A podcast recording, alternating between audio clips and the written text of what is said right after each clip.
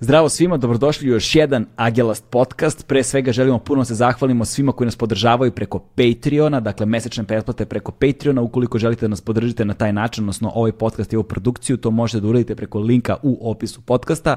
Takođe, veliko hvala svima onima koji nas podržavaju jednokratnim uplatama preko Paypala. Ukoliko želite da nas podržite preko Paypala, to možete takođe da uradite preko linka koji se nalazi u opisu podcasta. To su prve stvari koje ćete videti kada kliknete ispod. A, pre, pored toga želimo se zahvalimo našim a, partnerima sa kojima već dugo sarađujemo. Pre svega hvala našim prijateljima iz Red Bulla kao i uvek na a, podršci koju nam pružaju. I pored toga želimo se zahvalimo našim partnerima iz kompanije za kućnu dostavu Volt. A, kao što znate, za one koji prvi put čuju, dakle ukoliko napravite profil na Voltu i ukucate promo kod sa imenom našeg podcasta, dakle ukucate promo kod Agelas da ostvarujete 400 dinara prilikom prve poručbine. I ono što je super sa njima jeste što pored brojnih restorana i raznovrsnih restorana koji imaju ponudi i pored toga što možete sa različitih pijaca i kućnih hemija i tako dalje da poručujete, sada imaju i novu opciju, a to je Drink Store, dakle možete da poručujete samo pića, što je super za razno razne prigode, okupljenja, druženja i tako dalje. Dakle, imaju sada novu opciju, ukoliko niste zainteresovani za hranu ili nešto drugo, imate Drink Store gde možete poručivati samo pića. Takođe važi Agelast promo kod i 400 dinara na prvu poručbinu i to bi bilo to što se tiče ovog uh, servisnog dela. Uh, naš današnji gost je neko ko će obrađivati temu o kojoj se mnogo govori poslednjih nekoliko meseci, a poslednjih nekoliko nedelja se ta tema baš uh, ovaj, ugrejala, usijala. U pitanju je plaćanje poreza. To jest plaćanje poreza za freelancere, plaćanje poreza za one koji zarađuju preko interneta koji stvaraju svoje prihode, da li kao grafički dizajneri, da li kao youtuberi, da li kao um, uh, IT-evci, programeri i tako dalje. Čovek koji će govoriti o tome je vanredni profesor sa pravnog fakulteta koji se bavi poreskim pravom, njegovo ime je Svetislav Kostić, čovek čije ime, kada sam prvi put pomenuo ovu temu, je iskrslo na milion i jedno mesto. Sa mnogo različitih strana sam dobio preporuku. Imali smo prilike nekoliko, priliku nekoliko puta da razgovaramo. Sjajan tip, mnogo zna i ukoliko vas zaista zanima ova tema, sve što vas zanima saznaćete u sledećem razgovoru. Uživajte.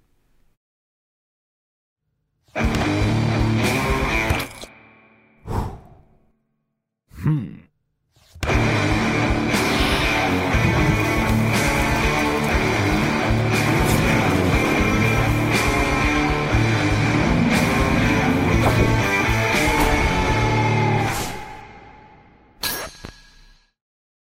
Jel možda veruješ um, da smo dan, dva pre nego što je Jay umro pričali nas dvojica o njemu? To je, ja sam rekao, prvi koncert u životu mi je Jay koncert. 1994. godina, zima, sajam, 14 godina i prvi koncert mi je bio Jay koncert, tako da je ovaj, on definitivno neko ko je meni ovaj, blizak srcu. I ovaj, ali to je život. Da. I jednog dana će sve ono što čega smo se sećali da bude staro i a, deca će da nas gledaju i da kažu, bože, što ovi ljudi pričaju, tako da... da... Približi samo mikrofon malo sebi, molim te. E, važi, e, važi. E, to.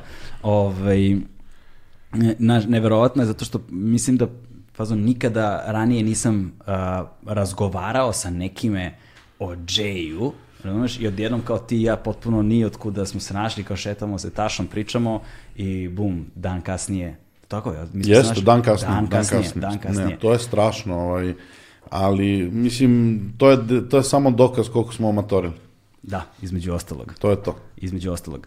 Um, ti si ovde sa vrlo konkretnim razlogom, jer poslednjih mesec ili dva meseca možda unazad, bukvalno, gde god da sam otišao, sa kime god da sam razgovarao, ono, u 90% slučajeva, ukoliko je razgovor trajao duže od 20 minuta, pomenulo se pitanje poreza na freelancere, poreza na zarađivanje preko interneta. Imam toliko veliki boj, boj, broj prijatelja koji uh, drže časove engleskog jezika online, koji su grafički dizajneri, programeri, koji a, su arhitekte raznorazne, koji na milion jedan način zarađuju. Ono što se u novinama najviše vidi je, su ove naša zanimanja kao youtuberi a, i ostali, koji od interneta prvenstveno pro, proizvodnjom sadržaja za internet a, prave novac.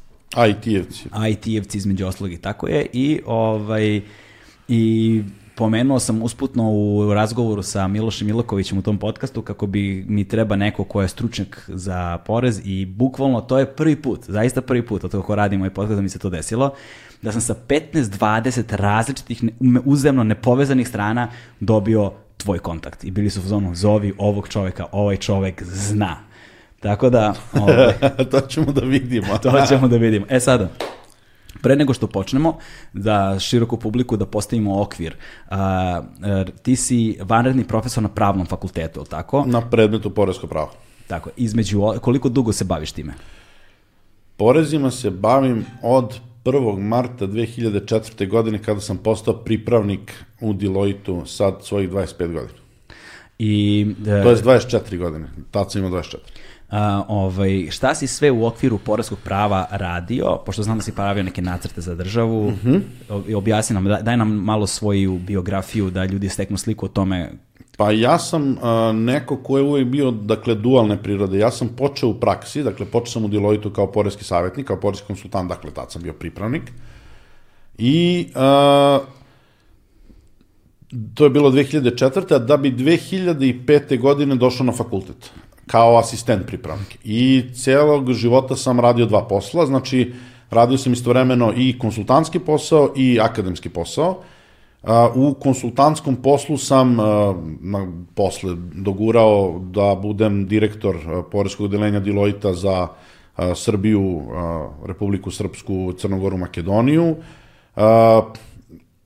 U, nek, u jednom trenutku sam se povukao zato što isk, najiskreniji odgovor je što mi je žena naredila da se povučem da bi odložio infarkt. I od tada sam uh, uh, konsultant uh, raznima, između ostalog sam i konsultant državi uh, po brojnim projektima. Uh, završio sam master u Srbiji, ali sam magistraturu u Srbiji, ali sam završio u Njurku, mm -hmm. na NYU. Uh, tamo sam član saveta tog LLM programa. Uh, Kog programa, šta je to? Uh, to je Master International Tax Law NYU of uh, ITP International Tax Program. Znači, tamo sam u tom savetu. Uh, potpredsednik sam uh, Evropskog ogranka Međunarodne fiskalne asocijacije, generalni sam sekretar Srpskog ogranka te asocijacije, i nemam pojma još šta sam. Ovaj, to je otprilike to. Uh, radio sam u Amsterdamu, mm -hmm. uh, u Holandiji uh, više meseci pri jednom institutu i sarađujem tako sa, sa poslednjih nekoliko godina se bavim uh, jednim aspektom digitalne ekonomije koji je dosta zapostavljen, a to je onaj aspekt koji je vezan za fizička lica i za kretanja ljudi, mm -hmm. za migracije, tako da eto, to mi je neko sad u poslednje vreme neka moja pasija. Uh, a, ali kažem to je eto to je neki neki moj background. Ovaj što se tiče zakona a, bio sam a, bio sam deo različitih radnih grupa. A, onaj put kad sam baš ušao u te radne grupe koje su pisale zakone, to je bilo 2012. godine i ja sam bio jedan od ljudi koji se bavio reformom zakona o porezu na dobit i zakona o porezu na dohoda građana tada. I to je onaj bio veliki krizni paket kada smo bili pred pred bankrotom koji je bio deo te velike fiskalne e, konsolidacije. A u poslednjih nekoliko godina sam bio uh, angažovan da se uh, bavim upravo tom digitalnom privredom, što je počelo sad ja, na jedan način koji je bio vezan za uh, dominantno sprečavanje nekih oblika izbjegavanja plaćanja poreza koji su nisu nikakva srpska osobenost, dakle koji su manje više prisutni svuda, imaju neke srpske osobine, ali nisu, dakle osobenosti, ali su nešto što je svuda na svetu prisutno. I onda se to tako uh, razvijalo, dakle sad to je jedna priča koja traje već nekoliko godina u kojoj je i taj test samostalnosti, ali mislim da tu pored testa samostalnosti ima mnogo važnijih stvari koje, koje se manje pominju te samostalnosti kada je u pitanju i pojedinac ili država? E, te samostalnosti u ovom slučaju je, dakle, jedna mera koja je onako, ja, tu sam dobio jednu veliku pohvalu, moram da priznam, ja sam bio, a, kad se to dešavalo, a, onda se, se, se u okviru je snafa, dakle, jedan broj ljudi je to pogodilo i stvoreno je nešto što se, jako se ja ne vjerujem, zove digitalna zajednica. I oni su imali Slack, ovaj, mm. gde su se okupljali i sad... Ovaj... Izvini, molim te, znaš koliko mrzim Slack? Znači, ako nešto, mr... ako, sam, ako sam jednu traumu povukao ono iz korporativnog života, to je Slack. e, I ja sam onda tu uh, uh, dobio pristup na jedan način da vidim šta se tu dešava na tom Slacku i na tom Slacku sam video razne komentare na svoj lik i delo, ali uh, sam video jedan koji mi je, ja mislim, u ovim godinama i s obzirom na moje gabarite najveći kompliment da sam ja odvratna pojava, jako zao čovek, ali da sam pametan. I od toga nema veće komplimenta. Tako da, ovaj, s tim što ovaj, ta rasprava je pokazala uopšte i tada sam se ja suočio sa nečim što moram da priznam da nisam ovaj, ranije toliko imao uvida, a to je da smo mi užasno ostrašćeno društvo u kome je mnogo teško razumno razgovarati u kome smo navikli da moramo budemo neprijatelji, znači i da nema, da je sredina strašno teška da se i uopšte razuman razgovor da se postigne, a ono što isto u okviru poreske materije, ono što se videlo jeste da smo mi da mi patimo od dve dubinske nepismenosti. Jedna je poreska, ali ona nije toliko redka, zato što je, porezi postaju sve komplikovaniji i nepismenost poreska je, nije samo kod nas prisutna, ali smo i društveno, politički smo nepismeni. Mm -hmm. U smislu odnosa prema sredini u kojoj živimo, u smislu razumevanja a, naše uloge u društvu, našeg statusa u njemu, naše mogućnosti da utičemo na neke stvari i to je onako meni bilo dosta zanimljivo, moram da priznam. Da, baš sam ovaj, imao sam super susret juče uh, sa Rambom, pošto se dogovaramo da pravimo nešto zajedno, ovaj, i onda smo imali tu okosnicu gde on je istica upravo tu vrstu nepismenosti u, i ne, nepismenosti ne samo politički, nego na svakom mogućem nivou s jedne strane i s druge strane apsolutnog nedostatka poli, ono, kulture dijaloga. Tako je. I, I onda šta se sa svim ovim sadržajem koji se proizvodi zapravo radi, na koji način završava i kako ga konzumiramo. Ovaj, I baš je prijatelj moj jedan jutros uh, rekao, kaže, Kaže, krali su i ovi, krali su i oni, svi živi su krali, ali čoveče, kada jednog trenutka narodu uzmeš kulturu, znaš, i ono, to je gotovo, više nema, znaš, oduzmeš kulturu i pismenost i uzio si im onda sve. Znaš, ovaj, I to je stvarno široka tema koja, nažalost, nije sada predmet ovog našeg razgovora, naš, predmet našeg razgovora je nešto drugo, ali s druge strane, kako što si malo pre rekao, da si imao te javno ad hominem, jel te napade? Ne, da, da, da.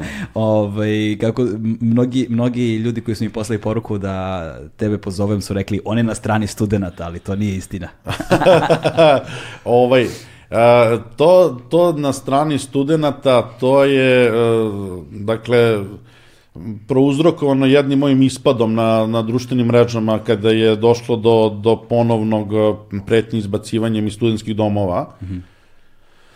gde, a, ali to je, opet, taj moj a, a, odijum je bio prouzrokovan sa ako sad hoćemo sad psihološki, nisu uopšte studenti bili u primarnom fokusu, jesu u jednoj meri, ali suština priče je sledeća. Mi trenutno živimo, ponovo to nije jedino srpska osobenost, ali jeste kod nas dostiglo razmere koje su definitivno neprihvatljive i koje definitivno idu na, na, na, na štetu našeg društva, a to je da smo mi postali jedno društvo koje je prestalo da razmišlja o svojim mladima, koje potpuno zanemaruje njihove potrebe, njihove strahove, njihove dileme, a koje dominantno zbog A, brojnosti i B, disciplinovanosti u pogledu procesa, e, dakle, ispunja, isp, ono, izvršavanja biračkog prava, dakle, glasanja, je a, e, potpuno usmereno na, na penzionersku populaciju, odnosno ona je u dominantnom fokusu, dominantnom fokusu kod donošenja dakle i političkih strategija, dakle a, primjera radi a, a, ok, mi ćemo sada davati penzionerima 5000 dinara, a penzioneri su jedina kategorija koja u ovim okolnostima ima siguran i neupitan izvor prihoda koji dolazi od države. No. Mi imamo stotine hiljada ljudi koji nemaju izvore prihoda, koji gube izvore prihoda, koji gube posao a mi ćemo deliti 5000 onima koji su jedini u zemlji koji ne mogu da izgube svoj izvor prihoda jer im ga garantuje država. Da. A, dakle, mi a, smo tako olako rekli nekoj deci aj kući. Da. Odnosno, hteli smo to da kažemo, a to je nešto što, bez da razmišljamo o tome a, a, kojim je kući, gde će da idu, kako će da idu i tako dalje i tako dalje, a ta, mnogo smo pažljivi i iz poreske, kad se radi o starijoj populaciji koja, koja, ovaj, jeli, koja ima više i koja ovaj, glasa. A, ono što je dosta upečatljiv primer toga, to ljudi ne znaju. Srbija je, mislim sa Bugarskom, ali nisam siguran, ali znam da je Srbija jedna od uh, jedine, jedina ili jedina od dve zemlje u Evropi u kojoj se penzije ne oporezuju. I to je prvi, kad mi smo naš poreski sistem reformisali davne 1991. godine. To je bila velika poreska reforma, stupila je na snagu 1. januara 1992. godine i ona je u stvari, ta bio je cilj da se Srbija postavi jel, novi ekonomski odnosi, novi društveni odnosi, idemo stvarno bila je odlično urađena i ti ljudi koji su to radili ovaj, a, moj profesor Dejan Popović koji je sad otišao u penziju je bio jedan od tvoraca te reforme Dakle, videlo se onako da gledaju u budućnost i stvarno da. su hteli da nas privedu jel, najboljim svetskim uzorima i penzije su bile oporezovane po tom zakonu. Vrlo brzo je Ustavni sud uh, doneo presudu, vrlo čutnu presudu, da se penzije ne oporezuju, da je to neustavno. Međutim, iako je od tada prošlo skoro tri decenije, iako mi imamo novi ustav od 2006. godine koji se upravo u tim domenima razlikuje, nikada niko više nije pokrenuo pitanje oporezivanja penzije. Ali ti i sad jesi. Pa ja sad jesam i ja uopšte, ja se inače zalažem za to da bi ja bih to ovaj, oporezovao, ali jer ne vidim ni jedno opravdanje zašto se ne oporezuju. Ali to je sada već, kako bi rekao, uh, naravno novo neko može da kaže da sam ja monstrum, i, ali postoje naravno dubinski, dubinski razlozi zašto to moramo da radimo. A jedan od, zašto moramo da se okrenemo ka tome, jedan od primera jeste taj da će sva razvijena društva, mi po tom pitanju spadamo u takvo društvo, će do sredine ovog veka, to je već sutra, oko 40% našeg stanovništva će biti stariji od 65 godina.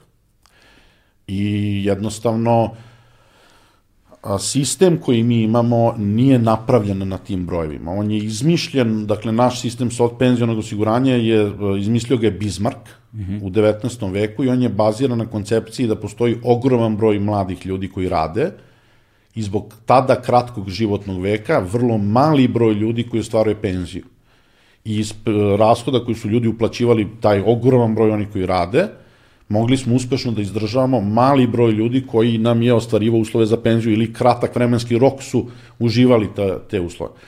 Mi sada imamo mnogo manji broj mladih, u Srbiji se rodi 100.000 ljudi manje nego što se rađalo pre 70-60 godina, u Evropskoj uniji se rađa preko 2 miliona manje, a, sa sve imigrantima, a naš životni vek je 20 godina duži nego što je bio kad je Bismarck ovo smislio.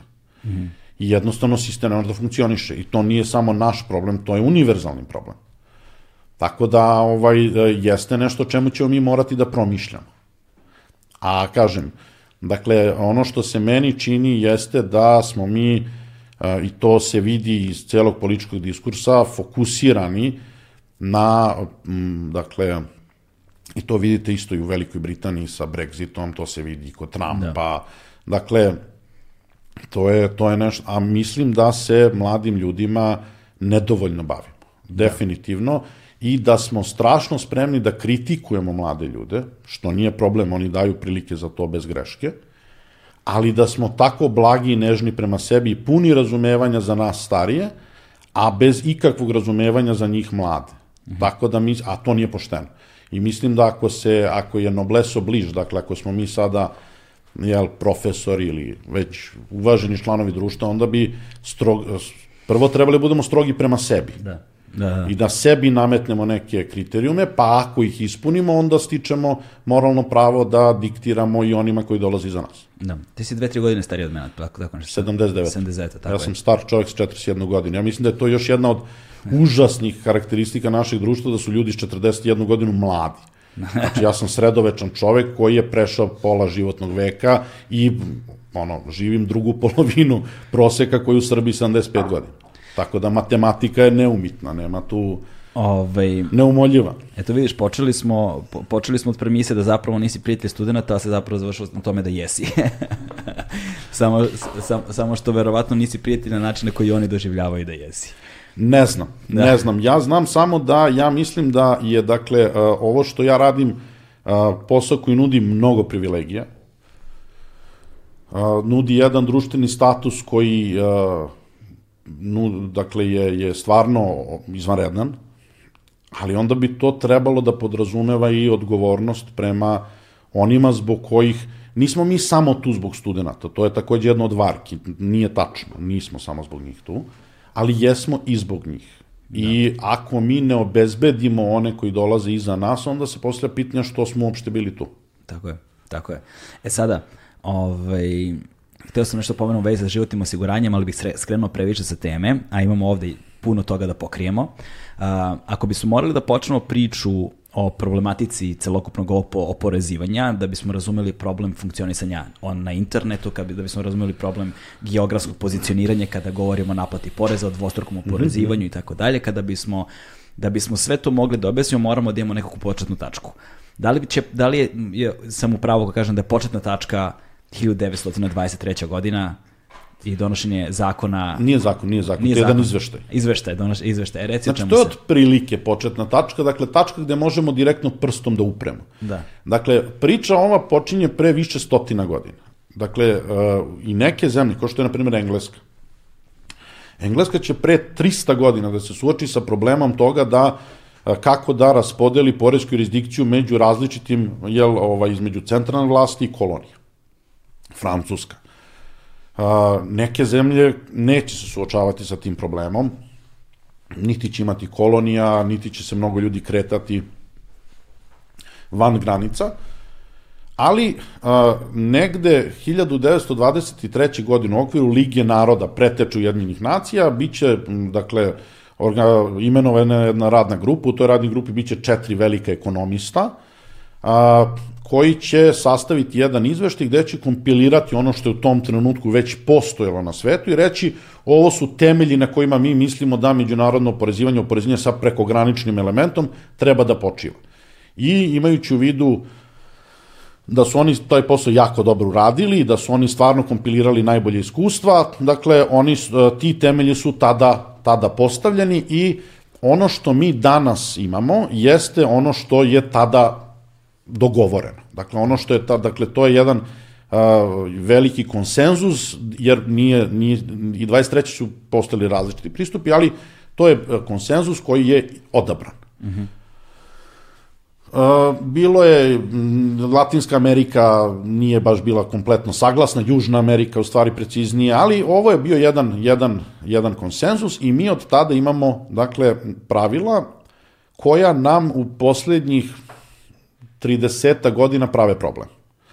Ali mi znamo da imamo problem, ali nemamo rešenje za njega. Odnosno, bavimo se pronalaženjem rešenja i dok ne pronađemo rešenje, primenjujemo stara pravila ili ih modifikujemo tako da uh, rešimo pre neke aspekte problema dok ne iznađemo veliko rešenje koje se svi trude da nađu, ali ga još nema. Ok, koja su četvorica koji su pisali taj izveštaj, da ih imenujemo? Einaudi, italijan, prvi posleratni predsednik Italije, ovaj, je inače zbog toga je čuven, Jos, Ser Josiah Stamp iz Velike Britanije i uh, Einaudi isto profesor i još dva profesora, Seligman i Bruins.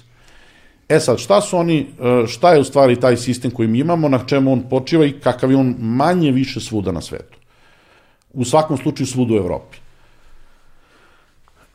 Država, svaka država, koja ima porez na dohodak i na dobit, će, i na imovinu, će težiti da oporezuje sve ono, svaki onaj dohodak, dobit ili imovinu, koji ima izvor na njenoj teritoriji.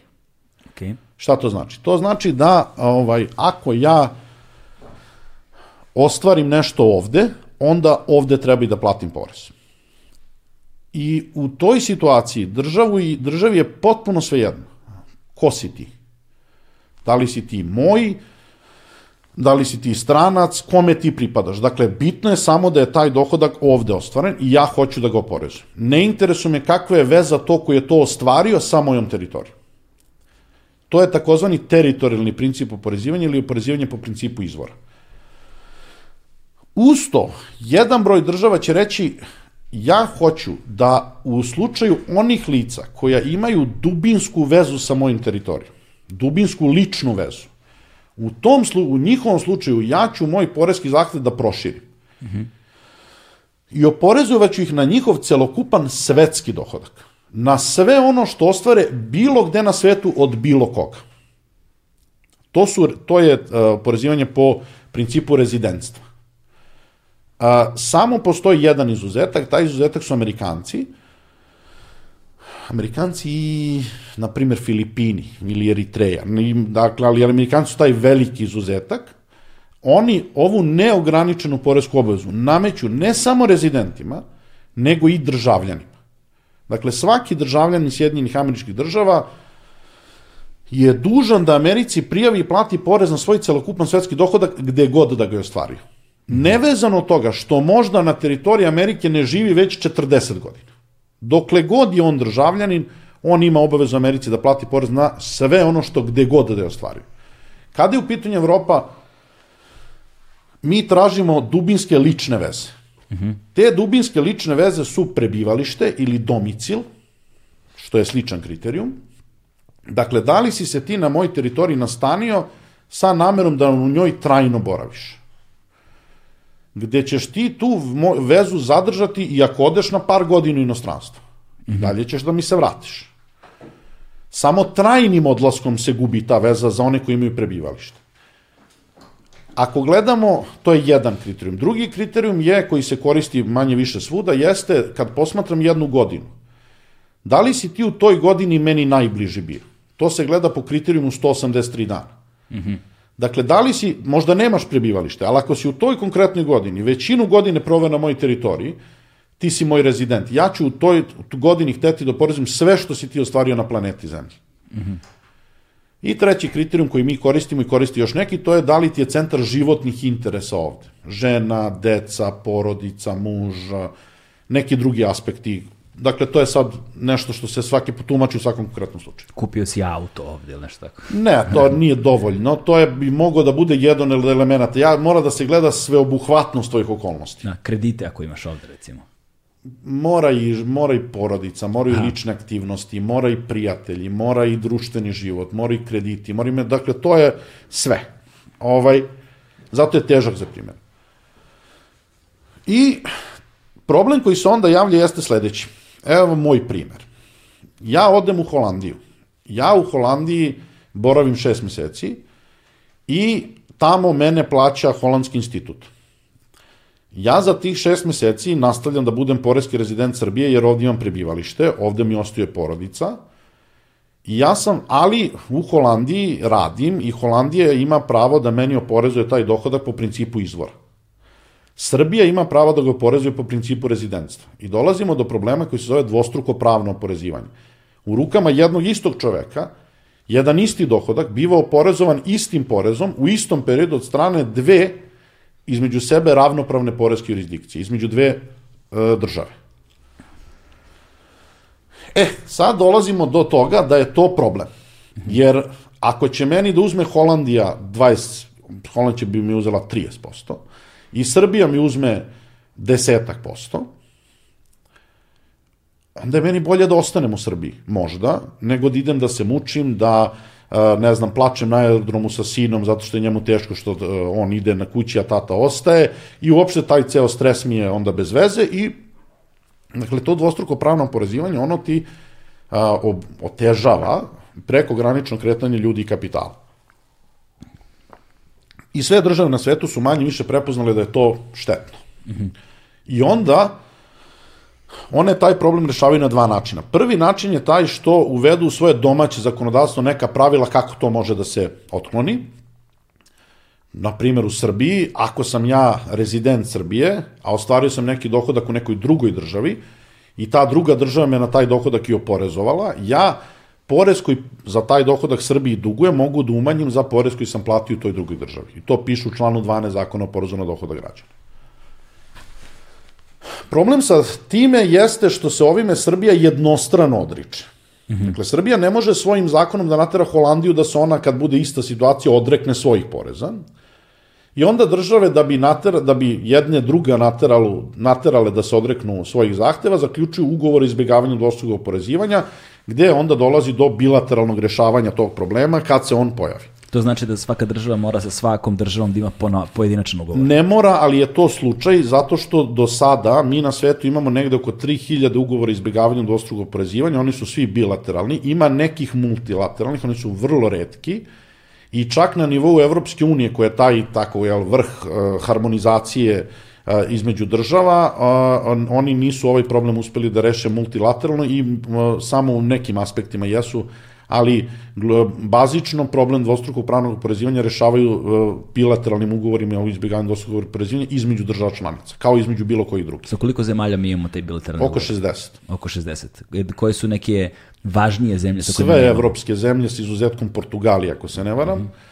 A, nemamo sa Sjednjim američkim državama, to nam je jedan od problema, nema Australiju, Novi Zeland E, to su eto, te najveće jurisdikcije sa kojima nemamo, ali Evropa je pokrivena, Azija je dobrim delom pokrivena, u Južnoj Americi smo slabiji, Južnoj i Centralnoj Americi i imamo sa Kanadom, na primjer, u Severnoj Americi i e, kada je Afrika u pitanju, to je dominantno Severna Afrika. Da. Dakle, ljudi koji su iz Austra koji žive ili rade na potezu Australija, Srbija, Novi Zeland, Srbija, pa, Amerika. Teško će neko da radi na tom potezu. Da, to da. Australija, Australija je večno seljeništvo po pravilu. Po pravilu, da. Jer Amerika, to je ipak... Ali Amerika je onda problem. Amerika je problem a, u nekoj meri. Zašto? Zato što a, na sreću su američki porezi veći od srpskih. Tako da, iako ugovora nemamo, dakle, srpski porezki rezidenti koji ostvaruju dohodak oporezovan u Americi, teško da bi mogli lako da dođu u situaciju da Srbiji išta duguju po osnovu poreza. S tim što treba voditi račun su doprinose socijalno osiguranje potpuno druga stvar. Ali to ćemo, doći ćemo do toga. Ali da. po osnovu poreza teško da mogu da budu u toj situaciji zato što oni imaju pravo da obaveze po osnovu srpskih poreza umanje za ono što su platili u Americi, a američki porezi su kada su pitne obaveze fizičkih lica po pravilu veći nego ove što su u Srbiji. Da. E sada, a, do tih mitova koji se pominju sad baš kad govorimo o freelancerima da je ono ide 20% na porez pa ide 26% na, na socijalne, na dohodak i tako dalje, ali doći, doći ćemo do toga. Um, kakva je stvar kada govorimo o tom dvostrukom pravnom oporezivanju kada je u pitanju Evropska unija? Nema tu nekih, dakle, Evropska unija uh, ovaj problem nije uspela da reši. Mm -hmm. Čak, čak ne među ne, uzajemnim ne, članicama. Ne, ne, samo postoje, uh, dakle, uh, u ovom pogledu, u pogledu dvostrukog pravnog porezivanja, da bi se u Evropskoj uniji nešto donelo, mora da postoji jednoglasnost između država. Mm -hmm. Ta jednoglasnost je u ovoj oblasti postignuta četiri puta. Odnosno dva puta, ali za četiri akta. Prvi put 1990. godine, kada su donete dve direktive, jedna se, ali se ni jedna ne bavi fizičkim licima. Obe su vezane za, jedna je vezana za oporezivanje dividendi između povezanih lica i druga je vezana za a, poreski tretman prekograničnih statusnih promene i, reorgani, i poslovnih reorganizacija i 2003. godine kada je doneta jedna direktiva opet, a, dakle su u pitanju pravna lica, poreski tretman prekograničnih isplata kamata i autorskih naknada između povezanih lica jedna direktiva koja u suštini se bavi sprečavanjem zloupotreba plaćanja poreza. Mm -hmm. ali koja se odnosi na fizička lica, ali nema materijalne posljedice, nego više neke oblike izveštavanja i tako dalje. Dakle, Uh, to je uh, tako to je to što se tiče Evropske unije. Dakle ništa, o sve ovo što važi u Srbiji važi manje više u svakoj zemlji u Evropi. Nema mm. nikakve razlike.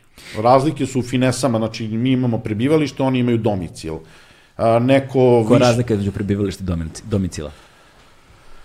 Zavisi od zemlje do zemlje. Ako je kontinentalno pravo manje više nikakve, ako je anglosaksonsko domicil u Engleskoj i Irskoj je deo starog engleskog prava koje manje više gleda gde ti je otac rođen.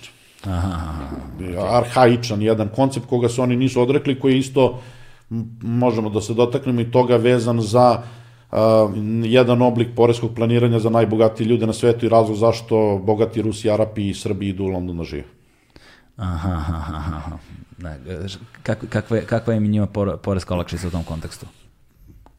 A, početkom 19. veka mm -hmm. u Velikoj Britaniji je uvedeno jedno pravilo koje kaže sledeće. Ako si a, dakle, ako si rezident Britanije, to znači ako ovo, 183 dana, ako su ti porodica, ti je tu, ti si dužan da Velikoj Britaniji plaćaš porez na svoj celokupan svetski dohodak.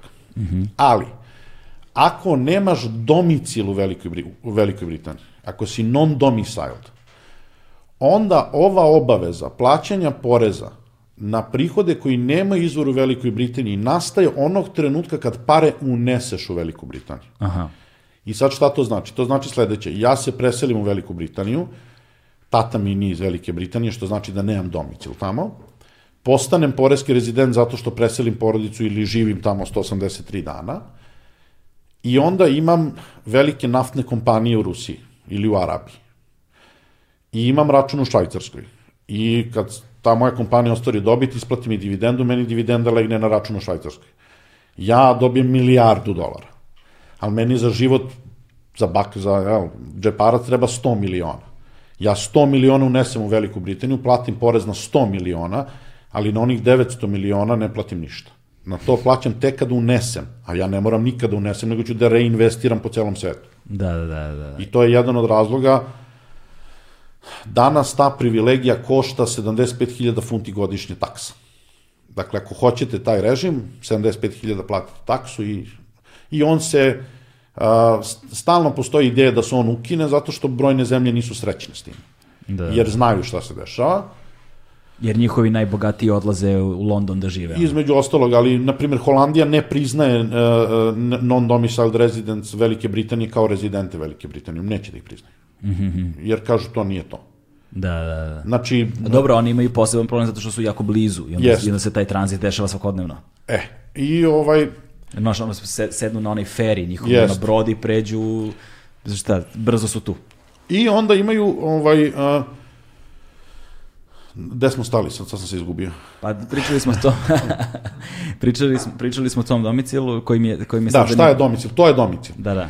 Dakle, a u evropskoj, u kontinentalnom pravu to je manje više ono što mi imamo. Dakle, to je ta adresa stanovanja gde smo se mi prijavili sa namerom da na njoj trajno boravimo. E, sada kada govorimo o tom dvostrukom oporezivanju, kada govorimo a, i kada se, da se vratimo na, na tu, taj izveštaj koji je čet, njih četvorica napravilo u toj a, ligi, Ligi naroda. Dakle, Ligi naroda 1923. godine i zašto mi živimo danas posledice toga, poslednjih 30 godina, to je zato što tada nije uračunato ono što danas imamo, to je tehnološki napredak. Tako je.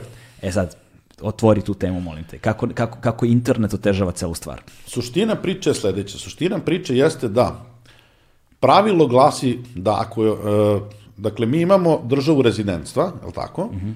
To je ona država sa kojom su moje lične veze najtešnje. I kada su u pitanju pravna lica, dakle kompanije, to je ili mesto gde ste osnovani, ili mesto gde vam se nalazi mesto stvarne uprave. Dakle, taj, ta dva kriterijuma se koriste da utvrde da li ta veza postoji, pa ako postoji, ona, ona o, o, omogućava državi čiste rezident da oporezuje svetsku dobit te kompanije. Ali ako niste rezident, onda država izvora ima pravo da oporezuje samo ono što ima izvor na njenoj teritoriji.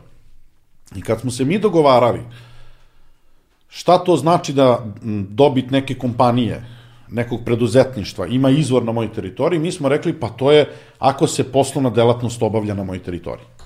A da bi se poslovna delatnost obavljala na mojoj teritoriji, mora da postoji neki vid fizičkog prisustva na mojoj teritoriji. Zaposleni, a, sa opremom, redko kad oprema bez zaposlenih. To je baš izuzetno. Može kod nekih visokih, a, visokih ovaj, a, a, visoko automatizovanih biznisa. Veštačka inteligencija pravi tu problem posebno. Ne još. Ne još. Problem je, problem je u stvari kod, problem su YouTube, Google Aha. i Facebook i Netflix ili ti takozvani FANGs, Facebook, Amazon, uh, Netflix, Google, uh, FANGs, uh, kanđe.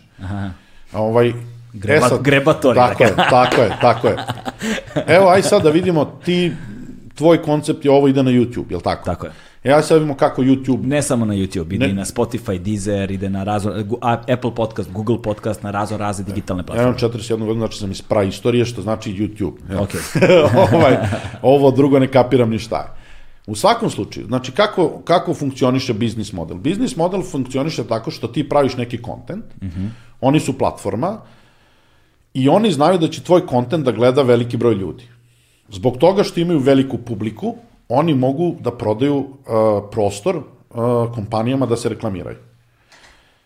I sada, kad neko bude gledao nas, ono što bi ti voleo je da ovaj naš, uh, da, taj, dakle, da, da ovu emisiju stalno prekida često reklama, jer to znači da je ovo gledano, jel? Da. Ono što nije gledano se ne prekida. To znači da ti imaš veliki broj pregleda i ti ćeš onda po određenoj formuli dobiti određeni deo prihoda koji je YouTube prikupio od marketinga. Jer bez tvog kontenta ni njihov biznis model ne funkcioniše. Tako je. I sad šta se dešava? Dešava se sledeće. Mi imamo jednu veliku kompaniju, ali gro dobiti ostaje YouTube-u, ne ide tebi. Tako je. Sad mi imamo jednu kompaniju u Americi. Je tako? I sada ta kompanija je iz Srbije prikupila brda prihoda za reklamiranje od srpskih privrednih društava. I po tom osnovu stvarila veliku dobit. Ali ta kompanija nema nikakvo fizičko prisustvo u Srbiji. Ona, njoj ne treba niko ovde da bi prodala sekund reklamnog vremena. To sve ide online. I sad se postavlja pitanje kako ja sada, dakle, a to je prvi put tehnologija omogućila. Da, e, ili Facebook. Facebook isto živi od reklama. Da. A da li Facebooku treba iko u Srbiji da bi prodao marketinško vreme? Niko. Ili Google. A to je današnja, to je, to je ono ključni driver današnje svetske privrede. Ti ako nisi digitalan, tebe nema. Tako je. I sad šta se dešava? Dešava se sledeće. Dešava se veliki geopolitički sukob. Kako? A, sva ova digitalna privreda nastala je gde? Pa, U Americi. U Americi, recimo, Svi da. su u Americi. Svi veliki su u Americi. Kina, kao drugo veliko tržište, je uspela da uh, uh, administrativnim barijerama, tako što tim američkim firmama nije davala da uđu. Ona je stvorila prostor da se kreira kineska digitalna privreda. Tako oni nemaju Google i to, oni su Ali ga zabranili. ono, nema Amazon, ali ima Alibabu, nema YouTube, ali ima kinesku verziju YouTube-a. Dakle, oni su stvorili za svoje tržište svoju verziju digitalne Mislim, privrede. i po milijarda stanovnika i ne stvorili. A onda je problem Evropa. Evropa nije stvorila svoju digitalnu privredu. I Evropa je ta koju ovo strašno boli. I zato što ona vidi milijarde prihoda koji odlaze u Ameriku, tim velikim američkim firmama, a da kada gledamo pravila kako smo ih postavili 23. ti nemaš pravo na oporezivanje, jer te firme nemaju nikakvo fizičko prisustvo u Evropi. Imaju virtualno. I pre nekoliko godina Francuska je upala u prostorije Google u Parizu, su imali predstavništvo, ujutru rano, sa naoružanim ljudima, policijom, pohapsili sve koga su mogli da uhapse, zatvorili prostorije i rekli, vi nama dugujete 2,5 milijarde dolara. Toliko ste vi uzeli sa francuskog tržišta.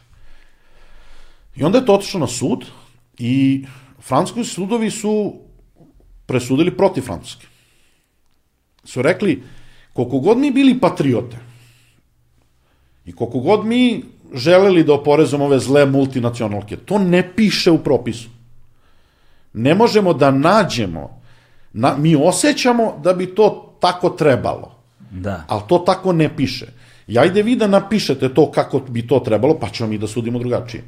Problem je što mi još uvek nismo uspeli da napravimo nikakav svetski dogovor, zato što vi danas imate situaciju da Americi a, stari dogovor odgovara, Amerika nema nikakvu veliku potrebu da ga menja, njeno pravo države rezidentstva je potvrđeno, svi su oni njeni rezidenti, mada ima i tu, ovaj, izvinjam se,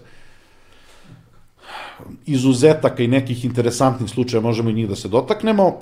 Kina opet nije pogođena zato što je stvorila svoju priču i onaj ko je tu najviše na udaru su ili siromašne zemlje koje opet nije jasno da im je interes i Evropa. I Evropa gura tu priču da je a, strašno važno da mi oporezujemo digitalnu privredu. Koliki su evropski gubici od strane Amerike uh, godišnji Desetine milijardi. desetine milijardi eura ili dolara? Tako je. Dolari E sad, uglavnom. evo sad da vidimo sad koliki su, ali sad tu je veliko pitanje ovaj, e, ko je na gubitku. A, najveći poreski slučaj, izgubila ga Evropska komisija pre nekoliko meseci, do sada na svetu je bio Apple case, gde, e sad kako je on a, rešavan? Apple case je, a, Apple je napravio, a, pošto nema pravila evropskih poreskih, Evropska komisija je pokušala da udari na ne jedan broj velikih američkih multinacionalki tako što je a, koristila se nepravilima o zabranjenim oblicima državne pomoći. I oni su rekli, neke države Evropske unije su davale zabranjene oblike državne pomoći kroz poreska pravila nekim velikim multinacionalnim korporacijama. Primer za najveći je bio Apple, koji je napravio takozvano bezrezidentno društvo. Sad kako se, se oni igrali i kako se, to je posao kojim se ja bavim. Američki zakon kaže da je poreski rezident ono pravno lice koje je osnovano u Americi. Apple za tržište Evrope, Azije i Afrike osnuje u Irskoj privredno društvo. To privredno društvo nije poreski rezident Amerike jer nije osnovno u Americi. I Amerika nema pravo da oporezuje njegovu svetsku dobit. S druge strane, irski zakon kaže da je poreski rezident samo ono društvo koje na teritoriji Irske ima mesto stvarne uprave. Mesto stvarne uprave te kompanije je bilo u Americi. Tako da ta kompanija nije Čekaj. ni poreski rezident Irske. Čekaj, Tebra, nemaju dovoljno para, treba im još. E sad, 13 milijardi je ušteda bilo. E sad, a, za 20 godina. E sad, šta se onda desilo? Onda se desilo sledeće. Ja, izvini, molim te, ja za 20 godina nisam uštedeo jedan Fiat, brate. Onda se desilo to da a, je Irska, Irska imala pravo da oporezuje onu dobit koja se ostvarivala na njenoj teritoriji. Ali je način na koji ona to određivala omogućavao Apple da plati efektivnu poresku stopu od, na primjer, 0,0001%. A Evropska komisija je rekla ta državna pomoć se sastojala upravo u, to, na, u načinu na koji ste vi određivali kao Irska ono što ste imali pravo da oporezujete. I usled toga, ovo je spor, Evropska komisija je zahtevala da Irska naplati 13 milijardi dolara od Apple-a, a Irska je odbijala da to uradi. I spor je bio kako da Evropska komisija natera Irsku da naplati 13 milijardi dolara od Apple. Ali zašto Irska nije htela? Zato što kad bi to naplatila, onda bi ona urušila svoj kompletan model razvoja u poslednjih četiri decenije. Dakle, ne vredi to 13 milijardi. Da. I Irska se iz svih, iz petnih žila borila da ne naplati te pare i uspela je u tome. Zato što je Evropska komisija, uh, i ja se slažem sa sudom, otišla predaleko. Ali je šta problem? Problem je što napadnute su Irska, Luksemburg, Holandija. A ključne države koje vode napad su Francuska i Nemačka. Aha. Jer one su najveća tržišta, najviše gube i strašno ih nervira to što male države članice Europske unije omogućavaju velikim američkim multinacionalkama da, da iskoriste ovo. I to jeste jedan sukob koji, koji definitivno postoji. Da, da, mislim, to se dešava i sa drugim manjim zemljama kada su u pitanju druge vrste prava, kao što su serveri za, uh, ne znam, razmenu podataka, Tako je. što po Irs, Irska funkcion, ne Irska, izvini, nego ovaj Island, recimo, koriste, svi, svi su na, na Islandu Ali ne tamo. znaš zašto? Nije čak ni porez toliko. Uh, problem sa Islandom, dakle za servere tebi treba, oni su užasno veliki potrošači energije mm. i oni se lako pregrejavaju. Tebi treba užasno mnogo struje da bi ih hladio. Tako da ti se isplati da servere držiš tamo gde je već samo po prirodi hladno, da ne bi morao trošiti toliko struje. Da. Ali i zakon imaju takav da ne mogu da ih napadnu, da im, znaš, i onda veliki ti uh, so, s- veliki ti serveri koji se bave tim peer-to-peer razmenom podataka, Cloud, cloud, cloudima i tako dalje se nalaze. Jeste, nalaze gore što ih jeste. zakon štiti Tako je. između ostalog, da ne mogu da im upadnu i da ih kontrolišu, da im oduzmu, da Zašto ih ta, obore. jeste. E, ovaj, e sada, kako se sve to uh, preslikava na Srbiju?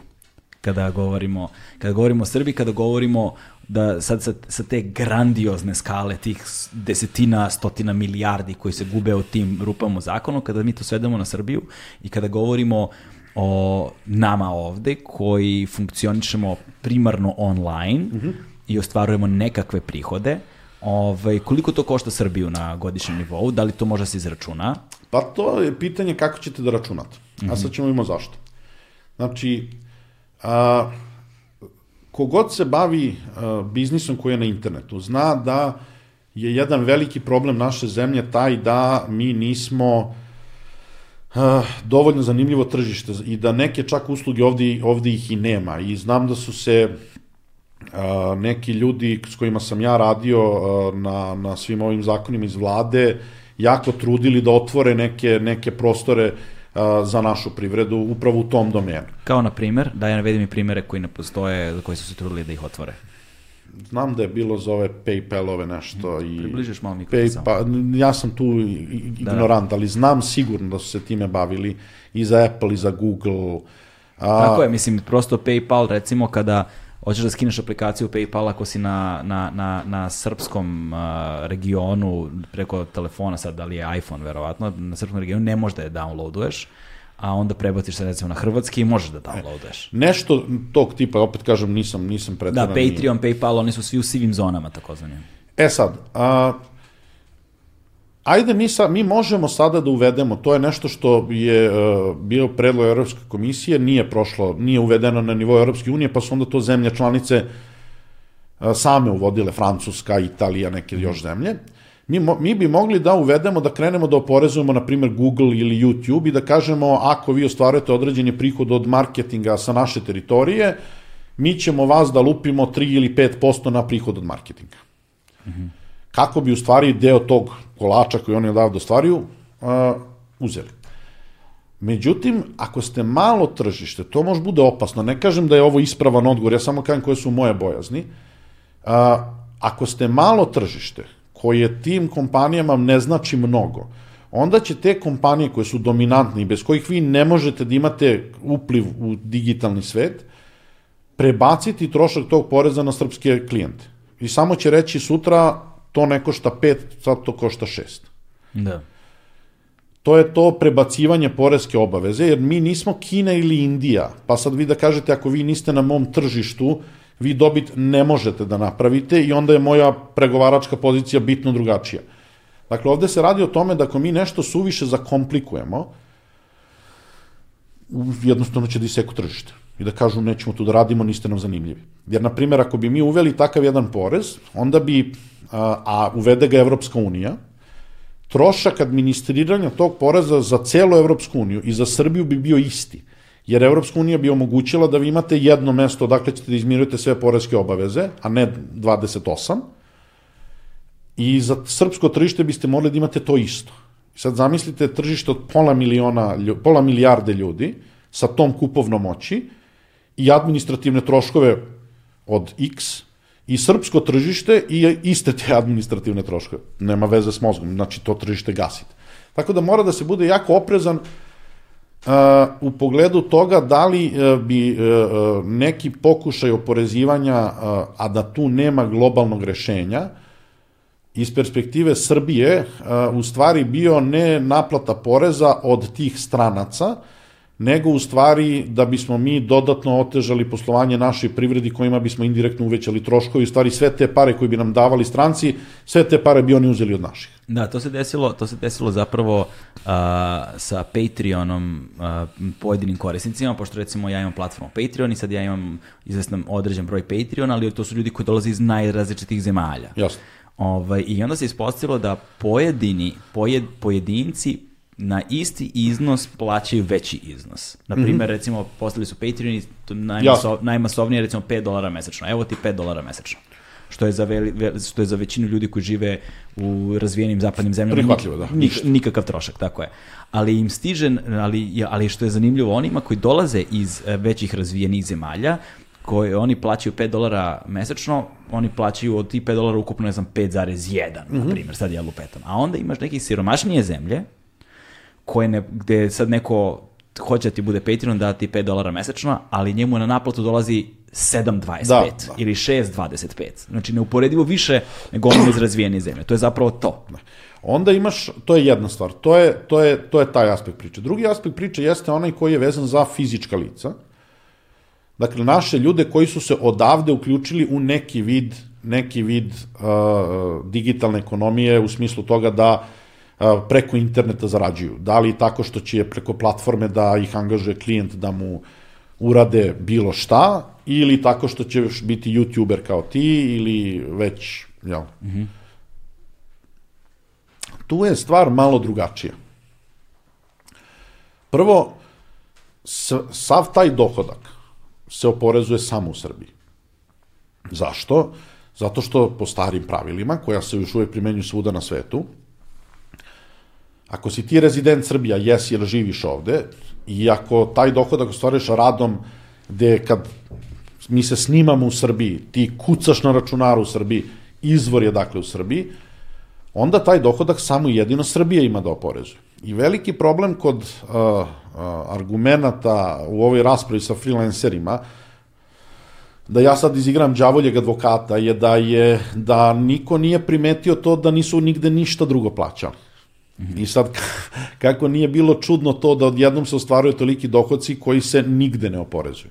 Ali to nije baš tačno, znaš, zato što ti zapravo svaka platforma uzima svoje. Ne, ne, ne, platforma to je drugo, to su provizije platformi. Aha, okej. Okay, da. To nije porez, to, to je vaš lični privatni odnos. Mm -hmm. a, I opet, kažem, to je odnos, pričam o tome kada ti ostvareš neki prihod a, neposrednim pruženjem usluga. Doćemo do youtubera, možda bude malo različito. Ali a, pro, dominantno porez bi trebao da se plaća samo ovde. Ako se neki porez platio negde drugde, onda pravo na porezki kredit je diskutabilno. Iz prostog razloga što da bi imali pravo na porezki kredit, ne samo da morate da budete srpski porezki rezident, nego i dohodak mora, ovde, mora da bude ostvaren u toj drugoj državi. Ne da Srbija kredit za ono što je ostvareno u Srbiji. Šta je porezki kredit? To znači, porezki kredit je mehanizam gde ja od onoga što dugujem Srbiji oduzmem ono što sam platio u drugoj državi. Aha, okej. Okay. Samo to. to ono Ovo je pričali, samo tehnički termin. To ono što smo pričali ranije. Tako je. Tako je, da. Se umanji za onaj iznos koji si platio. Taj, taj mehanizam se tehnički naziva, terminus technicus je stručni pojem, je porezki kredit. Mm -hmm, okay. Direktni prevod engleskog originala, tax kredit. Mm -hmm.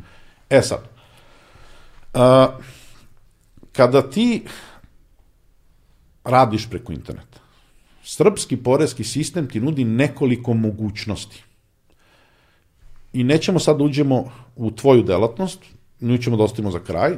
Ajmo da vidimo sve te koje si ti pomenuo koji uh, drže časove englesko, drže časove, IT grafički usluge, dizajn, grafički dizajn, web dizajn, šta god hoćeš. Prva mogućnost koju imaš jeste da se registruješ kao preduzetnik. I ako se registruješ kao preduzetnik, ti onda plaćaš porez na prihod od samostalne delatnosti. Ovo što se sad dešava sa TZV freelancerima, prvo pošto niko ne zna šta je to, ove ljude apsolutno ne pogađa. Oni su pozivom netaknuti. Zašto? Zato što uh, su njihovi prihodi odakle god da su došli oporezovani tim porezom na prihod od samostalne delatnosti. Uh, I oni jednostavno ovo ih ne interesuje. I zato je vrlo diskutabilna ta priča da ovo je smrt srpskog IT-a, zato što uh, 95% srpskog IT-a nije u ovoj priči, taj, toj freelancer priči. Neki drugi jesu, ali IT ne baš. Uh, e sad o čemu se radi? Radi se o sledećem. Dakle, taj mehanizam pored, da ja plaćam porez na prihod od samostalne delatnosti ima dve varijante. U prvoj varijanti uh, ja mogu da se prijavim i da kažem, znate šta, ja imam promet manji od 6 miliona dinara. Takozvani paušalci. Tako je. I umesto da ja sad vodim knjige, da ja sastavljam finansijski izveštaj i da plaćam porez na svoju stvarnu dobit. Ajde vi, Porezka uprava može da otprilike proceni paušalno, odokativno, imaju neki kriterijumi, odredi osnovicu na koju ću ja porez da plaćam i ja porez plaćam na tu osnovicu nezavisno od toga koliki su moji stvarni prihodi. Sve dok ne prelazi određenu sumu. Dok ne pređem određeni promet kada to pravo ne mogu da ostvarim. Onda ulaziš u takozvani sistem PDV-a. Tako, e, ne, ne, ne, PDV je nešto drugo. Okay. PDV je nešto drugo. Ali ovde, dakle, e, jer je to porez na promet, ovde pričamo o dohodku. Aha. E sad, pošto oni to rade na osnovu nekih parametara, ali u prosečavanju, kad procenjuju tu paušalnu osnovicu. Sad oni meni kažu, ok, osnovica na koju ćeš ti porez da plaćaš je 80.000 dinara. Ako ja uspevam da ostvarim stvarno 20.000, onda je za mene porezko opterećenje nesrazmerno veliko. Porezka stopa jeste 10%. ali je 10% na procenjenih 80.000. A ja stvarno pravim 20.000, tako da moje stvarno opterećenje nije 10, nego je 40%. Jer ja moram 40% svog stvarnog dohodka da izvadim da bi izmirio porez. Isti slučaj i sa doprinosima. Faktičko opterećenje. S druge strane, ako su moji stvarni prihodi 250.000, moje stvarno opterećenje porezom je 3%.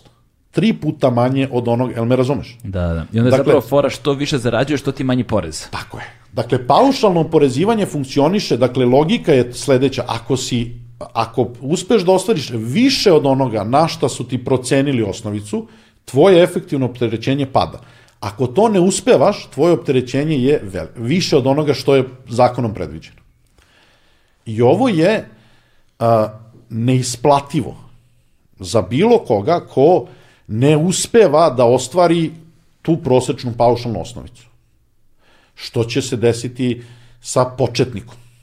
Znači, ja sad treba da se probijem na nekom tržištu i sigurno da ću u tom prvom periodu da imam malo klijenata, neću uspevati, a ja kad paušalno plaćam porez, mene niko ne pita koliko si ti stvarno ostvario, jer je cela logika mehanizma da te niko više ništa ne pita, da ne vodiš knjige, nego samo svaki mesec platiš ono što treba. A kome još ne odgovara? Ne odgovara nekome ko ne uspeva, dakle, ko e, gde je delatnost takva da jednostavno ono, ja uspevam da nađem 3-4 klijenta, da držim časove englesko-kinezima preko, preko neta, ali to je to, ja ne mogu, ne, ne uspevam ništa više da uradim. I, izvinjam se,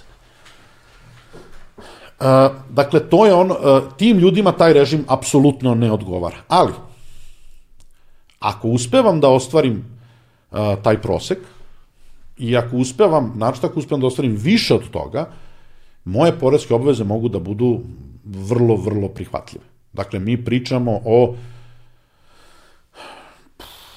može da bude i 4-5 puta manje od onoga, dakle, bile su strašno velike diskrepance, zato je paušalno porezivanje korišćeno kao jedan vid poreske optimizacije u IT-u, mm -hmm. gde u stvari se ono što je stvarno bio radni odnos krilo iza nečega što se formalizovalo kao odnos samostalnog preduzetnika i nalogodavca. E sad, u IT je to najraširenije bilo, nije to jedina oblast za stope, to se raširilo mnogo. Ili to je kao kad u firmama, ovaj, kako se zove, ono, kada, ako si mlađi od 27 godina pa ti daju lovu na ruke i te fore. Ne, to je totalna evazija. Kada pare na ruke su čista evazija. Ovo je, zavisi kako se gleda. Možemo i na tu temu da pričamo. A ovaj, elem, to je jedan mehanizam. Drugi mehanizam je da izabereš znači ima kada mora, mora ako ti je promet veći od 6 miliona, mora ako si obveznik PDV-a, ali možeš u bilo kom trenutku da kažeš neću da plaćam porez na paušalno ostvarene prihode, ja ću da plaćam porez na stvarno ostvarenu dobit. Znači ja ću plaćam porez na prihod od samostalne delatnosti na razliku između prihoda i rashoda koje pravim tokom godine.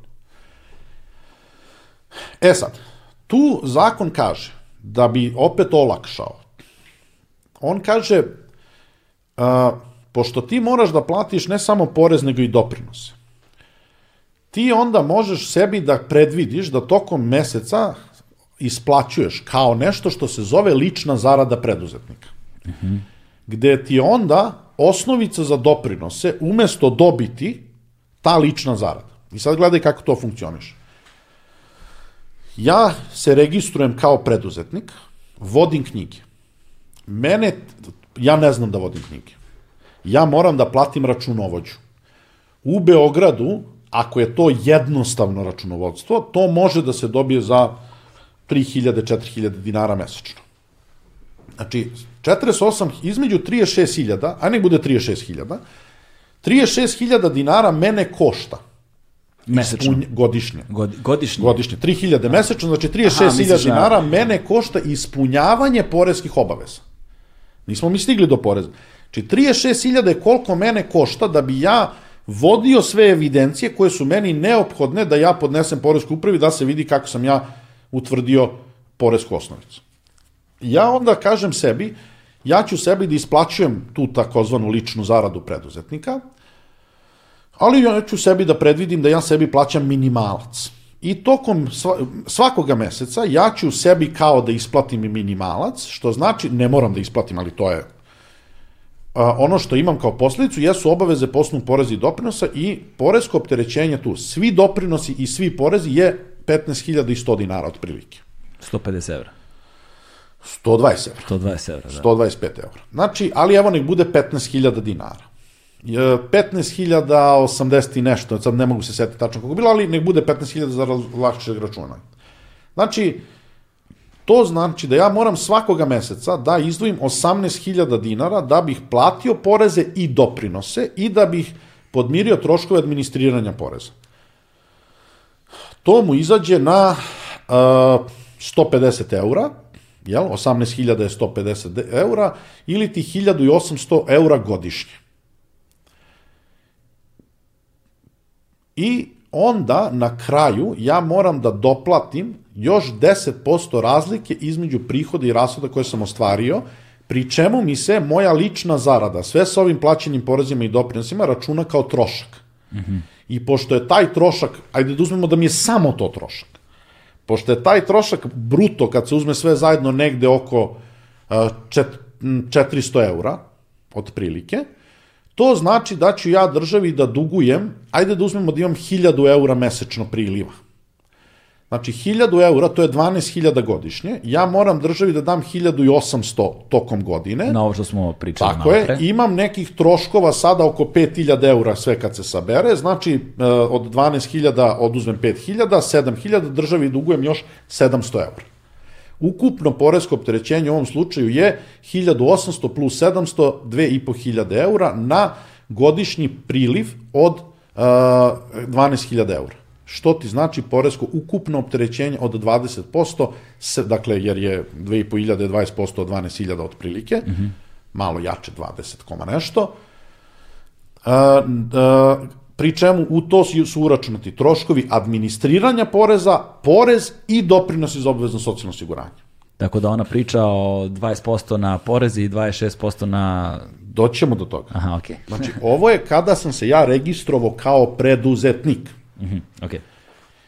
A, dakle, naravno, ako bih se ja registrovao kao preduzetnik, da vodim knjige i ostvarivao 20.000 mesečno, uspevao da ostvarim 20.000 mesečno, za mene je suludo opterećenje 15.000 dinara koje mi je minimum minimuma koji mogu da platim. Dakle, i ovde kako, sam, kako mi prihodi padaju, tako meni poresko opterećenje biva sve neprihvatljivije. Dakle, ja mogu da dođem do poreskog opterećenja od 100%. Ako ostvarim 15.000 mesečno, a moram državi najmanje 15.000 da dam po osnovu poreza i doprinosa, moram još od neku 3.000 da izvadim da platim knjigovođu. Da, da. Ali, ako pričamo o hiljadarci eura, opterećenje je 20%. Sve zajedno. E sad, dakle, mi smo ono što, što smo utvrdili jeste da postoje definitivno ljudi kojima se režim predviđen za samostalce ne isplati. Samo što su to oni koji ostvaruju niska prihode, niske prihode. Koliko je takvih u Srbiji? Mnogo. E sad, ne znamo, nemamo brojke, ali sigurno je mnogo. Ono što se Što, sad... što znači da bi takav jedan zakon pogasio gomilu njih? Taj zakon postoji. Postoji, da, ali primjena. Idemo dalje. ajde, ajde. Ima sada varijanta, i tu su sada, ove ljude, priča o freelancerima koja se danas vodi ne interesuje. Odnosno, interesuje ih samo u situaciji da su bili, da su, da jednostavno im se ne isplati da se registruju kao preduzetnici, da je to za njih suviše veliko opterećenje. Samo što je onda pitanje kad je to suviše veliko opterećenje. Kad možemo da kažemo da je stvarno to, je li 20, ili 30, ili 40, ili 50%, kad je previše? To nemo taj odgovor. Ako se ne registruješ kao preduzetnik, znači nisi registrovan kao preduzetnik, i ostvaruješ prihode van radnog odnosa, nego ostvaruješ prihode po osnovu ugovora o delu, tada zakon za tebe predviđa takozvani porez na ostale druge prihode. E, kako on funkcioniše? Njegova stopa je 20%. Zašto se stope razlikuju? Zato što mi imamo taj cedularni sistem gde svaki oblik prihoda pogađamo posebnim poreskim oblikom i oni između sebe nemaju nikakve veze, tako da to je jednostavno kroz vreme se menjalo i nema potrebe da ih izjednačamo. Arhaičan sistem koji postoji zato što je jeftin za primjenu. Ovaj, Pričat ćemo i o problemima, Ali problemu jeftinih sad, sistema. Da. E sad šta se dešava? Dešava se sledeće. Znači, zakon kaže a, porez ti je od 20%, ali to primenjuješ na 80% ostvarenih prihoda. Zato je efektivna stopa 16%. Jer kada 20% primeniš na 80% ostvarenih prihoda, to znači da moraš od 100% 16 da daš da bi platio porez.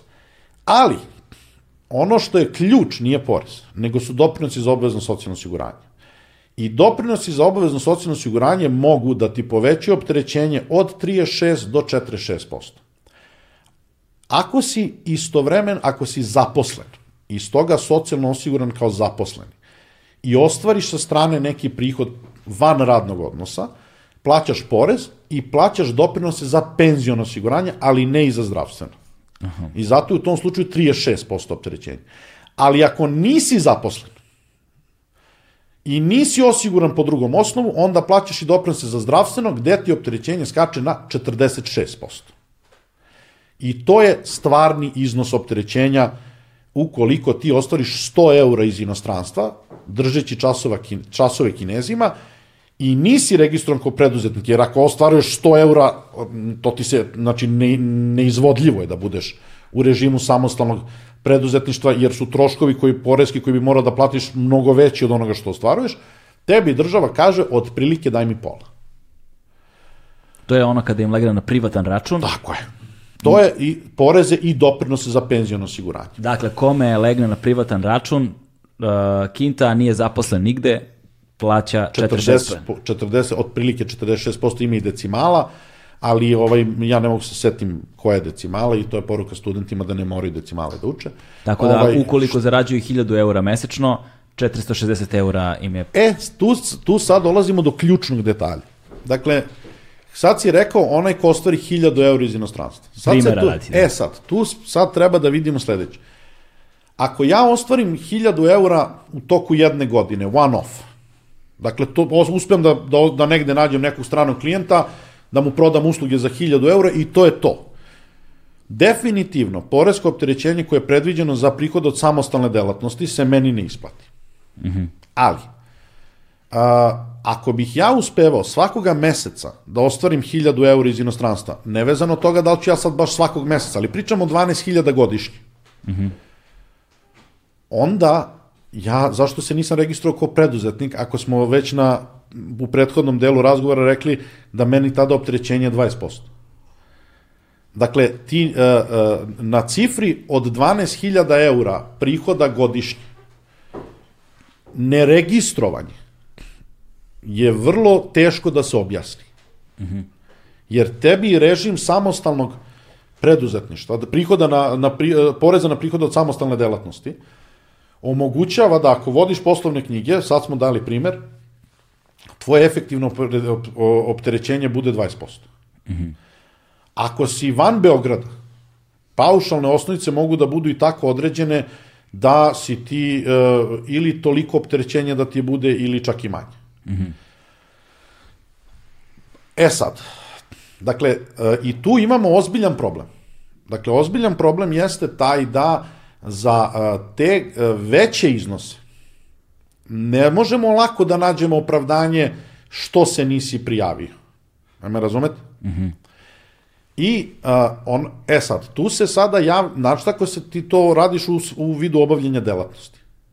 Ono gde imamo opravdanje jeste da su to prihodi sitni, dakle koji ne prelaze, na primer, prosečnu zaradu mesečno, gde je onda zakonodavac predvideo oporezivanje gde je opterećenje stvarno visoko, znači od, 3, od preko trećine do skoro pola, mm -hmm. u mhm. zavisnosti od toga da li si već negde osiguran ili nisi osiguran. E sad, tu se javlja prvo pitanje koje se kaže što, uh, freelancer. Prvo, freelancer ne znači ništa. Freelancer je neko ko samostalno obavlja delatnost, ali to su i preduzetnici. Dakle, i, i pre svaki preduzetnik je freelancer. To su, ali za njih imamo režim to su i ljudi koji a, obavljaju delatnost, ali se nigde nisu prijavili. Uh -huh. to su i ljudi koji a, su zaposleni, pa posle radnog vremena kućni budžet dopunjuju koliko mogu nekim pružanjem usluga na tržištu, najrazličitijih, gde ono što smo zaključili, postojeći sistem njih, njih tera u režim gde mora da izdvoje pola toga ili trećinu toga i da daju državi, a, iako se radi o jel, niskim, niskim, niskim primanjima. A, tako da priča o tome šta je to tačno freelancer, a, manje više je, dakle, to je, mi volimo, to je tako sad to po termin koji mnogo ne zna, dakle, o kome mi pričamo. A, ima još jedna kategorija, ona nije mnogo brojna, ali je definitivno pogođena i veliko je pitanje da li mi tu hoćemo da je ne pogodimo ili hoćemo da je pogodimo. To su takozvani remote workers. To su ljudi koji su suštinski zaposleni kod stranih poslodavaca. Dakle, njihov odnos sa, sa stranci, stranim nalogodavcem je suštinski radni odnos. Mm -hmm. a, gde a, a, on ostvaruje prihode, mi smo, čak i ako se registruje kao preduzetnik, test samostalnosti može lako da ga dovede do toga da ne može da plaća porez na prihode od samostalne delatnosti, da ga mi suštinski teramo u ovih porez na ostale druge prihode i to opterećenje koje ide do pola. E sad, zašto? Logika je sledeća. Samo da, samo da damo opis koji su to potencijalni poslovi, ti remote workers, recimo... Dominantno je u ovom trenutku IT, ali sve ono što je uslužna delatno, što može da se radi... Ima recimo puno ovih što rade sa, ne znam, američkim kompanijama, te neke telefonske usluge ili kako se... Ili... To se dominantno radi kroz pravna lica. A kroz to teško lica, rade aha. ljudi od kuće sami. Mm -hmm. Ono što, ovaj, jer tu mora da postoji veliki broj ljudi, to mora da bude infrastruktura, nema što baš da. sad ja se... Mislim, ono idu na radno mesto, ali, rec, ali recimo ima puno ovih ljudi koji rade recimo kao dispečeri, na primjer, za kamion, za kamionđi. Ima tih situacija, Da, oni rade od kuće uglavnom. Ja. I sad šta se tu dešava? A ima ih puno. Tu se sada dešava da A, a, koja je logika tu o kojoj moramo da vodimo računa i uvek, znači, mnogo je lako da se osudi zakonodavac kao on je mi imamo srpsku privredu koja u ovom trenutku ima ozbiljan nedostatak radne snage po brojnim sektorima. Što zbog iseljavanja, što zbog nedostatka ljudi, a mi, nažalost, nismo zemlja koja može da privuče lako talentovane ljude iz drugih zemalja. Dakle, nama ti ljudi trebaju sada. Ali, nažalost, neko ko je, ide iz Sirije, neće da izabere, on, on neće da ovde dostane. On hoće da ide u Nemačku. Mi bi, meni su uvek smešni ove antimigrantske varijante, zato što onaj dan kad neki sirijac kaže, e, ja hoću da ostanem u Srbiji, to je dan kad mi znamo da je ovo društvo srećno, a mi nećemo sirica koji neće ovde da ostane, to je glupo. Znači, to je ono, ne, neću, neću da mi devojka bude manekenka, pa ni ona tebe neće. Mislim, onda je uzajamna su vam osjećanja. Ovaj, a, a, dakle, besmisleno potpuno. Ali, i, i, i komično, tragikomično na kraju krajeva. Ali je stvar u tome da moderna tehnologija je omogućila stranim kompanijama jel, da nađu radnu snagu u zemljama kao što su naše, da celokupan rizik poreski prebace na tog zaposlenog, vodeći se onom nepismenošću, jer on onda, dakle, nije baš svestan koji rizik tačno preuzima. Ako se nešto desi, sve, sav je rizik na njemu. A, imajući u vidu da naše kompanije moraju za svoje zaposlene da plate poreze i doprinose, onda je njihov trošak takvog zaposlenog a, veći i on nije konkurentan prema tom zaposlenom. Dakle, mi ako tako, ako pustimo povoljan oblik oporezivanja tog vida angažovanja, mi direktno subvencionišemo strane poslodavce da otimaju radnu snagu našim poslodavcima, mm -hmm. pri čemu onaj argument pa dajemo te subvencije, da, dajemo, ali kad dođu ovde i kad na, ono, zaposle ljude ovde, plaćaju te poreze i doprinose, prave neku infrastrukturu, kad sedi nekih 100 ljudi u nekoj fabrici, doći će neko da im proda sendviče i to će sve dalje jel, generisati privrednu aktivnost. Tako da, da li je potrebno da se pravi povoljan režim za tu kategoriju je vrlo diskutabilno iz da, perspektive strane... interesa društva kao celine. Da, sa tog aspekta, ali onda kada govorimo o, savrem, ono, o realnosti svakodnevnog života, stvarnost, nažalost, izgleda drugačije. Znači, ja znam brojne mlade ljude, posebno van Beograda mm -hmm. po unutrašnjosti, mada i ogroman broj njih u Beogradu svakako, koji ne mogu da pronađu ili posao ili ovo ili ono kojima je, su ovakve stvari jedini oblik uh, zaposlenja kojim ostvaruju prihode. Vodi računa da kad pričamo o zaposlenju treba da razlikujemo dve stvari. Jedna je a, pružanje usluga ljudima preko interneta, što je jedna stvar, a druga stvar je kada ti radiš u nečemu što je suštinski pravno gledano radni odnos sa jednim poslodavcem. Mm -hmm. To je druga stvar. A, I a, kažem, a, dakle, ne, nisam, ne mogu da, da kažem jasno a, m, kome bih se carstvu tačno privolao, ali mislim da je ovo vrlo slož i nigde na svetu ovo nije jednostavno za rešavanje. Odnosno, a, moglo bi da bude jednostavno da smo mi, na primjer, Etiopija. Znači Etiop ili Kenija. Mi, mi pominja afričke zemlje što ja predavao Africi, i u Keniju, i u Ugandi, e, i imam mnogo lepe uspomene od Anda. A, dakle, vi kad odete u Kampalu, ili odete u Nairobi, znači, prva stvar koju vidite jeste tamo nema starih ljudi na ulici. To su neverovatne količine mladog, pametnog i talentovanog sveta. Pri čemu u brojnim državama u Africi infrastruktura postoji. Neka i ona se zida, Afrika napreduje, ali, na primjer, Etiopija ima privredni rast, znači mi pričamo ono 3, 4, Etiopija godišnje ima 11%, 12%. I ima neverovatne količine pametnih mladih ljudi, kablovi su provučeni, internet veze su tu, a mi svi dobro znamo da za to da budeš dobar IT, IT-vac ti ne treba fakultet. I to može, možeš da budeš i samouk. A, a oni imaju i škole, i univerzitete i tako dalje ali je problem što tih mladih ljudi ima užasno mnogo. Da. A privreda tek je počela da se razvija i onda oni nemaju šta da, za te ljude tamo nema posla. Mm -hmm. I onda je, na primjer, ovakav modus jedan vidi socijalnog ventila. Da. A šta ako je tvoja privreda, tvoji poslodavci, tvoji e, u situaciji da ne mogu da nađu zaposlene? I kažu, ok, ja ako ne mogu da nađem zaposlene, ja zatvoram firmu.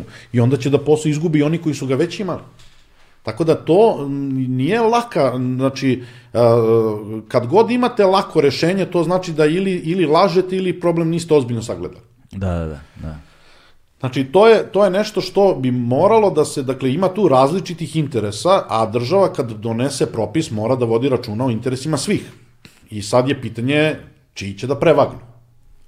I ko je glasniji. I i razni drugi faktori moraju da budu uzeti, ali nije to jednostavan posao da vi donesete, donesete pravila. Ele, oni su u toj kategoriji. I sad se postavlja pitanje, uh, imajući u vidu sad kao prvo uh, šta se to sad dešava, eto, Poreska uprava se setila. Uh, I tu prvo nije se ništa setila. To je, ja sam počeo svoju karijeru 2004. godine tako što sam kao pripravnik nosio poreske prijeve za prihode primljene u inostranstvu za rad koji se vrši u Srbiji. Za Deloitte-ove klijente. Znači, to je nešto što je ovde prisutno jako dugo. Problem je taj što zbog e, razvoja privrede, razvoja tehnologije, razvoja odnosa, to je jednostavno postalo dovoljno primetno. A drugo, došlo i do to nečega što se zove demonetizacija privrede. Drugim rečima, mi smo nekada uzimali pare na ruke, ali toga je sve manje i manje. I pravna lica ne mogu tako lako da izvuku keš. I to znači da se to sada vidi, da promet po računima je vidljiva. Poresku prima pravo da gleda sve to. I nije ništa retroaktivno. Retroaktivno je kad ja primenjujem propis koji donesem danas na nešto što se desilo kada tog propisa uopšte nije bilo. To Jasne. je retroaktivno. Da. A nije retroaktivno kad je propis postoje od uvek, pa ja sad gledam unazad da li on tada primenjivan kako treba. To nije retroaktivno. I a, ovde se radi o tome da je Poreska uprava krenula dakle da, da, da to kontroliše i ona je, e sad tu sada dolazimo do određenih elemenata, dakle Poreska uprava radi svoj posao, on, njen posao nije da ona bude popularna, njen posao da primenjuje zakon. A, pri čemu Poreska uprava ne donosi zakon, ona sprovodi zakone koje Skupština da. Skupština donese zakon. Ministar donese pravilnik. Posao Poreske uprave da to sprovede. To je njeno, ona to mora da uradi. Ona je regulatorno telo. Ne? Nije regulatorno, ona, je, ona sprovodi zakon. Mm. Dakle, i, a, i a, prikuplja prihode bez kojih država ne može da funkcioniše. To da li je zakon dobar ili je zakon loš, ne ide na račun Poreske uprave, ide na račun Skupštine. A Poreska uprava, kao državna administracija, mora da sprovede šta god Skupština izglasa. Mm -hmm. Nema pravo čak ni da misli da je nešto neustavno. Ako je neustavno, to mora Ustavni sud da kaže. Pa ako kaže, onda Poreska uprava poštuje presudu Ustavnog suda, ali ne može Poreska uprava sama da kontroliše uh, zakonodavnu vlast. Dakle, sprovodi zakon koji, koji sprovodi i uh, tu se uh, sada javlja nešto što je uh, relativno česta situacija. Mm -hmm.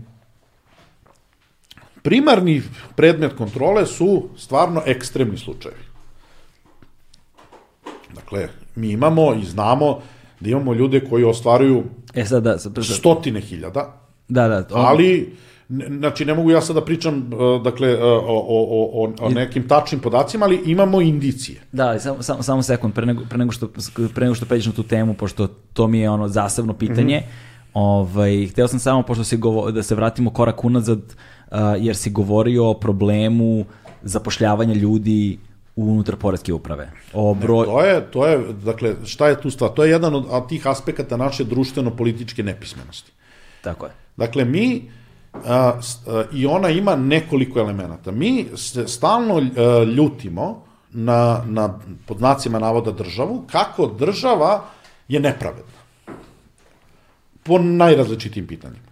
Ovde, izvini, ovde govoriš sad o tome kako donesu jedan jednostavan zakon koji se primenjuje na ne, sve. Ne, ne, ovde pričam, načalno doćemo do toga. Znači, a, zaboravljajući da te zakone, to što država, jel, nama nalaže, u stvari mi sami sebi nalažemo ako ćemo, mora neko da sprovede. I ako mi tom nekom ko treba da sprovede zakone ne obezbedimo ni osnovne preduslove da to može da uradi, šta onda očekujemo da će da nam se desi? Ukoliko je on, on mora da popuni budžet. Dakle, i sad da vam dam primere kako je stanje u Poreskoj upravi. A to govori o odnosu našem prema sobstvenom, prema sobstvenoj državi i uopšte kako mi percipiramo šta je država. 2000. godine u republičkim organima države Srbije koji su se bavili porezima, pošto ta to nije bilo unifikovano, radilo je preko 17.000 ljudi. 2003. godine formira se Poreska uprava koja objedinjuje sve to, broj njenih zaposlenih ni na početku neće preći 9000, iako je po sistematizaciji trebalo ima 9200. Što znači da smo mi u, u tom periodu broj ljudi smanjili skoro duplo. Danas broj ljudi koji radi u Poreskoj upravi Republike Srbije je manji od 5000. To znači da je broj zaposlenih u republičkoj administraciji koji se bavi porezima u Srbiji četiri, oko četiri puta manji nego što je bio pre 20 godina. Pri čemu, jeste da je tehnologija uznapredovala, ali je porezki okvir užasno usložnjen. Višestruko usložnjen. I mi danas imamo za tako mnogostruko složeniji porezki sistem četiri puta manje ljudi u administraciji da sa nama radi, da na nama primenjuje propise, nego što smo imali pre 20 godina. Njihova prosečna starost je, ja mislim, prešla 56 ili oko 57 godina. Dakle, prosečni zaposleni je neko ko je nekoliko godina pred penzijom. Njihove zarade se kreću oko republičkog proseka. A mi očekujemo da će taj inspektor koji ostvaruje, a svi znamo kolika je prosečna zarada u Srbiji, sada biti taj koji će ko Marija na prkosima da jurne na velike tajkune, kriminalci, da rešava društvene nepravde. Pa neće, pa nije blesan. I on ima decu, a i pitanje je šta je njegova motivacija. A to je ono što smo mi uradili. Mi, uh, kad se gleda u, u, u, u, u ovaj, kad se gleda u dinarima, budžet Poreske uprave se ne menja godinama. Dakle, ko budžet, kad govorimo kako ćemo da platimo te ljude, a kad pogledate eursku vrednost, vidjet ćete koliko smo im manje sredstava dali.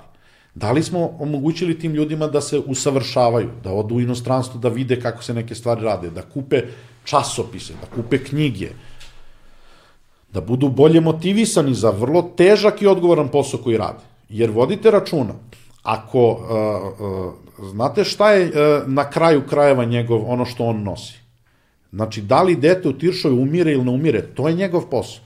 Jer ako on ne naplati, mi nemamo da, priča da mi decu lečimo preko SMS-ova je jedna potpuna budalaština. To nema veze s mozgom. Znači, mi decu lečimo iz doprinosa za zdravstveno osiguranje. A iz SMS-ova skupljamo pare, kao što i YouTube je odlična prilika da se ljudi informišu, zato što će manje više svima izletati sada iz Indije, iz Izraela, iz drugih zemalja, na YouTube-u reklame poziv za skupljanje isto tako para za lečenje dece ko što izlazimo na SMS. To su eksperimentalni slučajevi, redke bolesti, situacije, a, vi, nažalost, kad donosite odluku, evo vam primer da donesete odluku, lek košta, i to isto govori dosta o farmaceutskoj industriji i načinu kako ona formira cene, lek košta 2 miliona dolara. Prvo, vi dobro znate da ne postoji ni jedan sistem, ni jedan uh, sistem od socijalnog osiguranja svetu koji može da izvuče 2 miliona da bi leči jednog čoveka za jedan lek. To znači da je to u stvari cena koju ste vi namerno kreirali tako da biste stvorili politički odijum u društvu da umiru deca, vi ne date pare, da se skupi 2 miliona i da vi ostvarite profit. To je prva stvar. Druga stvar je, košta 2 miliona. Ok, 2 miliona košta da lečim jedno dete i da ga izlečim. Imam 100 dece koja boluju od bolesti od kojih se takođe umire, njihovo lečenje košta 20.000. Ko živi, ko umire, a imamo 2 miliona. Nemam 3, imam 2. Kako raspoređujem pare? I kako, jel me razumete, neko da, da. mora da preseče i neko će da umre.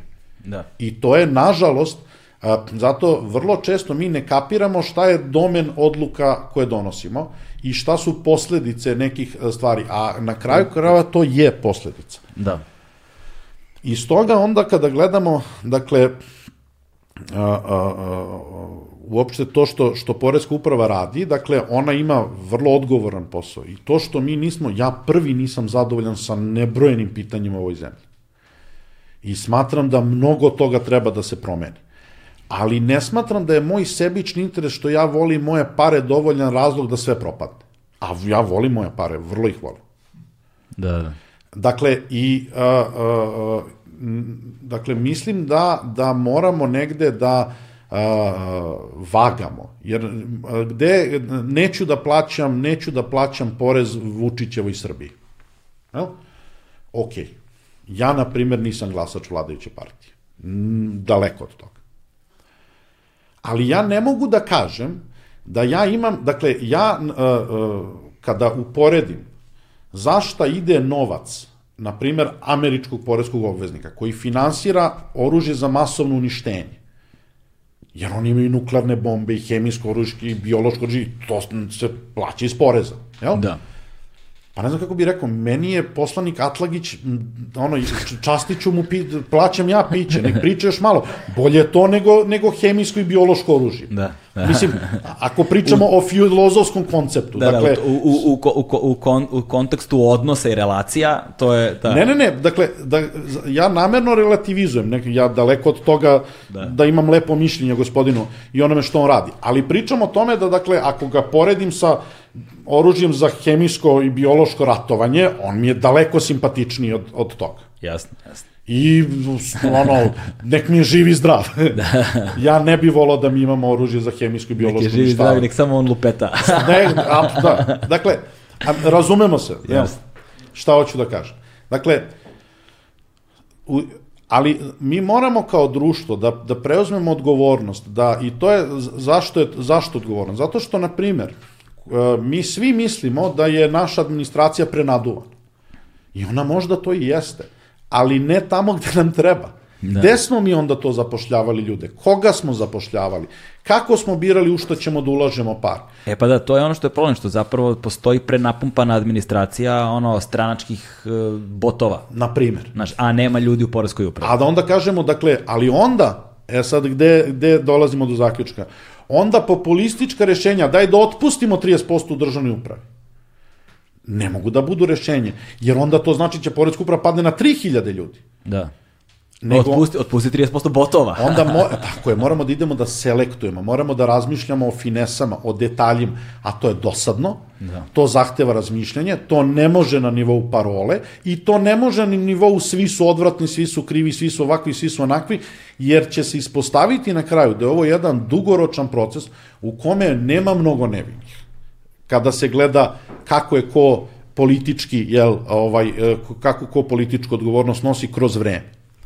A, druga stvar je, a, to je moja omiljena priča, ja sam i objavio, ovaj, tako da može se citira. A, kad pričamo o, dakle, ta politička nepismenost u domenu toga kako je stanje naše državne administracije, postoji opravdanje, gde će ljudi reći, pa otkud ja znam sad za ove podatke?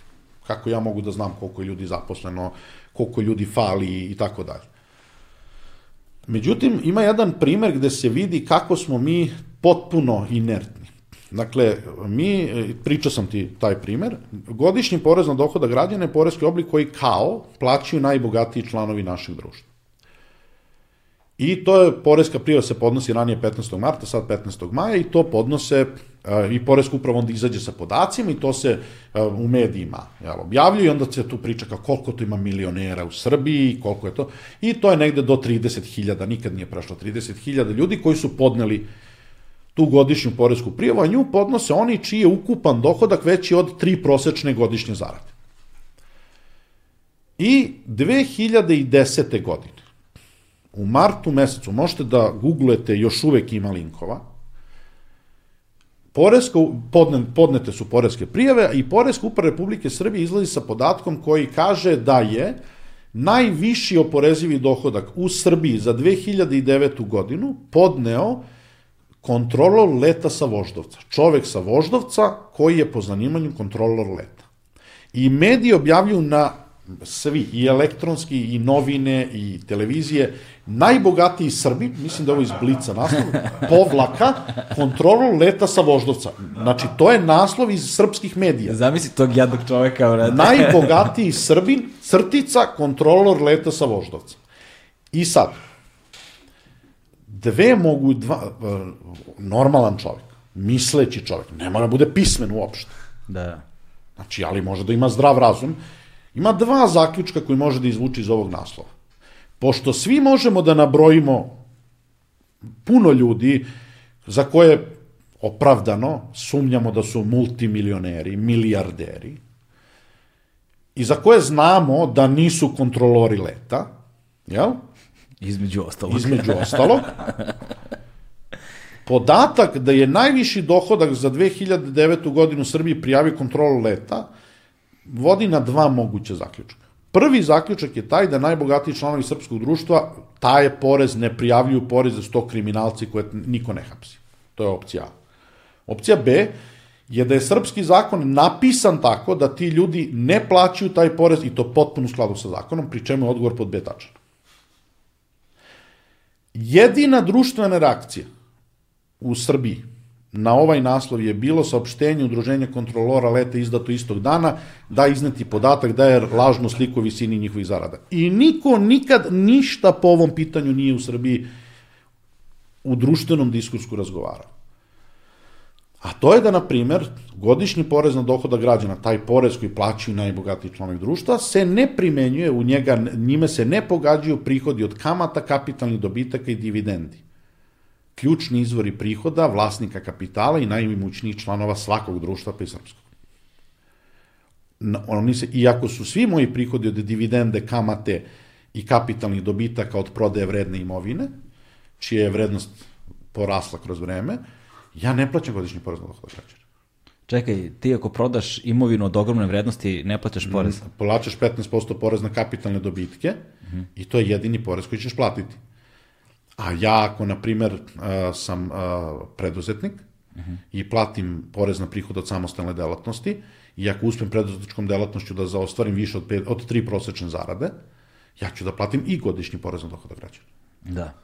Ako sam zaposleni, ja ću platiti porez na zarade, a ako je moja zarada veća od tri prosečne zarade, ja ću da platim i godišnji porez na dohoda građana. Te politički gledano, godišnji porez na dohoda građana nije ništa drugo nego porez na višu srednju klasu. I ako hoćeš da znaš kolika je viša srednja klasa u Srbiji, uzmi koliko je podneto poreskih prijava za godišnji porez na dohoda građana, to su ti uspešni preduzetnici, to su ti ovi što su dobro, brzo, lepo završili fakultete, naučili dva, tri jezika, rade 12 do 14 sati dnevno i ostvaruju solidne plate i to je to. Da. I koliko Tako. njih ima? Ne više od 30.000. Oko 30.000. Za celu Srbiju. Za celu zemlju. Za celu zemlju. Tako je. Eto ti priča o srednjoj klasi. E sad, Ono što bi što je što je takođe zanimljivo. Izvini samo sekund da, da, da pre nego što pre nego što nastaviš dalje.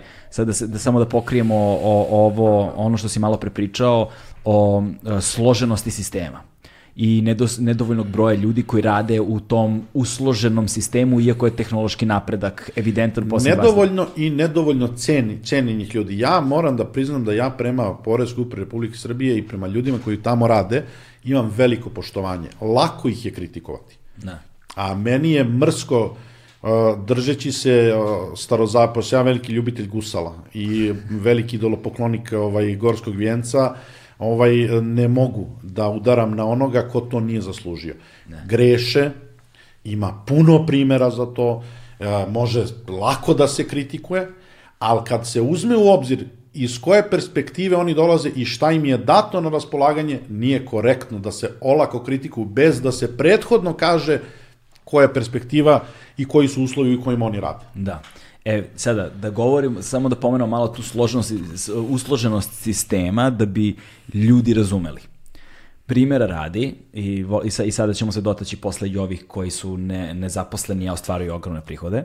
Koji su zapravo ono što najviše boli državu Srbiju, verovatno, između Nisu ostalo. zaposleni, nego koji ostvaruju prihode, ali ih ne prijavljuju. To, to kažem, neza, kao ne, ali su prijavljeni ko nezaposleni ili šta god, ono, imaju socijalno i ono, zdravstveno, šta ti ja znam. E, vode hoćeš? Molim vas. Evo ti. E, bolje ti jer ću ja to prospem. Ma prosto ću ja, šta ti. E, hvala. E, ovaj, dakle, um, ovako, primjera radi uzmemo primjera radi. Imaš čovjeka koji zarađuje 3000 eura mesečno mm -hmm. i on mora platiti određeni porez. Dobro. Imaš još jednog čovjeka koji zarađuje 3000 eura mesečno i on mora platiti taj isti porez. Jeste. Ali su njihove životne okolnosti radikalno drugačije. Tako je. Primjer radi, jedan zarađuje 3000 eura mesečno, ali ima nezaposlenu ženu, e, troje dece, e, iznemljeni stan, kredit za kola, šta ti ja znam a imaš drugog koji ima zarađuje 3000 eura mesečno, ali njegova žena zarađuje 3000 eura mesečno i nemaju dece i imaju šest nasleđenih stanova u gradu. Tako je, tako je. Dakle, i oni plaćaju isti porez koji zapravo jako, mnogo teže pada ovim prvima nego onim drugima. Tako je. Ali mi nemamo sistem, niti, odnosno infrastrukturu nemamo, koja, kojom bismo mogli da rešimo individualizaciju uh, poreza, odnosno svak, rešavanje znači, poreza za svaku pono, šta svakog mi imamo kao sistem? Mi imamo daj, taj cedularni sistem, to se tako zove, gde Uh, on može nekom da deluje na prvi pogled da je komplikovan zato što ima kao puno poreskih oblika. Ali on strašno jednostavno za administriranje. Znači, imaš zaradu, porez na zarade. Ostvaruješ prihod od samostalne delatnosti, porez na prihod od samostalne delatnosti. Ostvaruješ dividende, porez na prihod od kapitala. Ostvaruješ kapitalni dobitak, porez na kapitalni dobitak. Dakle, Svakom pojedinačnom obliku prihoda dodeljen je poseban njemu namenski poreski oblik za koga postoje pravila i gde ti jedino što onda u tom sistemu možeš da istakneš kao rashode, jesu oni rashodi koji su povezani sa ostvarivanjem tog konkretnog prihoda, a ne i sa tvojim ličnim okolnostima koji nisu vezani ni za jedan pojedinačni prihod, nego za tvoj ukupan dohoda kao zbir svih prihoda. Taj sistem je jeftin, lako se administrira i ne zahteva, dakle, mnogo troškova. Ali istovremeno On je nepravedan. užasno nepravedan. Ne. I ne samo to, evo sad primer kako je on. Dakle, baš zbog toga što je on u stvari jedan skup između sebe suštinski ne mnogo povezanih poreskih oblika. On je omogućio arbitrerno politikanstvo. Pa, na primer, mi imamo u Srbiji neoporezivi iznos nešto što je trebalo da bude naš egzistencijalni minimum, ali samo u slučaju oporezivanja zarada. 16.300 dinara. Na prvih 16.300 dinara zarade porez se ne plaća. Ali za sve druge oblike prihoda toga nema. Kao da egzistencijalni minimum ne postoji kod preduzetnika, kod uh, freelancera, kod bilo kog umetnika, kod bilo koga. Pri čemu se iz toga i vidi još jedan aspekt našeg tog sistema, a to je da smo mi taj neoporezivi minimum nismo ga dali zaposlenima, odnosno građanima, mi smo ga uveli u sistem kao mehanizam koji smanjuje troškove poslodavca. između ostalog. Što to znači? To znači da on kad račun, dakle on sa zaposlenim dogovori neto i onda preračuna koliko će to da ga košta, tako da u stvari mi ovime ostane isti neto zaposlenom, a neoporeziv iznos poslodavac suštinski koristi za sebe kako će da ima manje, manje ukupne troškove tog zaposlenog. Uh -huh. I svi naši podstice, ogroman broj naših podsticaja u domenu poreza na dohoda građana usmeren je na poslodavca, ne na zaposlenog. Između ostalo, to je verovatno jedan od razloga zašto nam radna snaga odlazi, zato što smo zaboravili na, toliko smo zaboravili na zaposlenog da smo došli do toga da poslodavci ne mogu da budu poslodavci, nemaju kome posao da daju.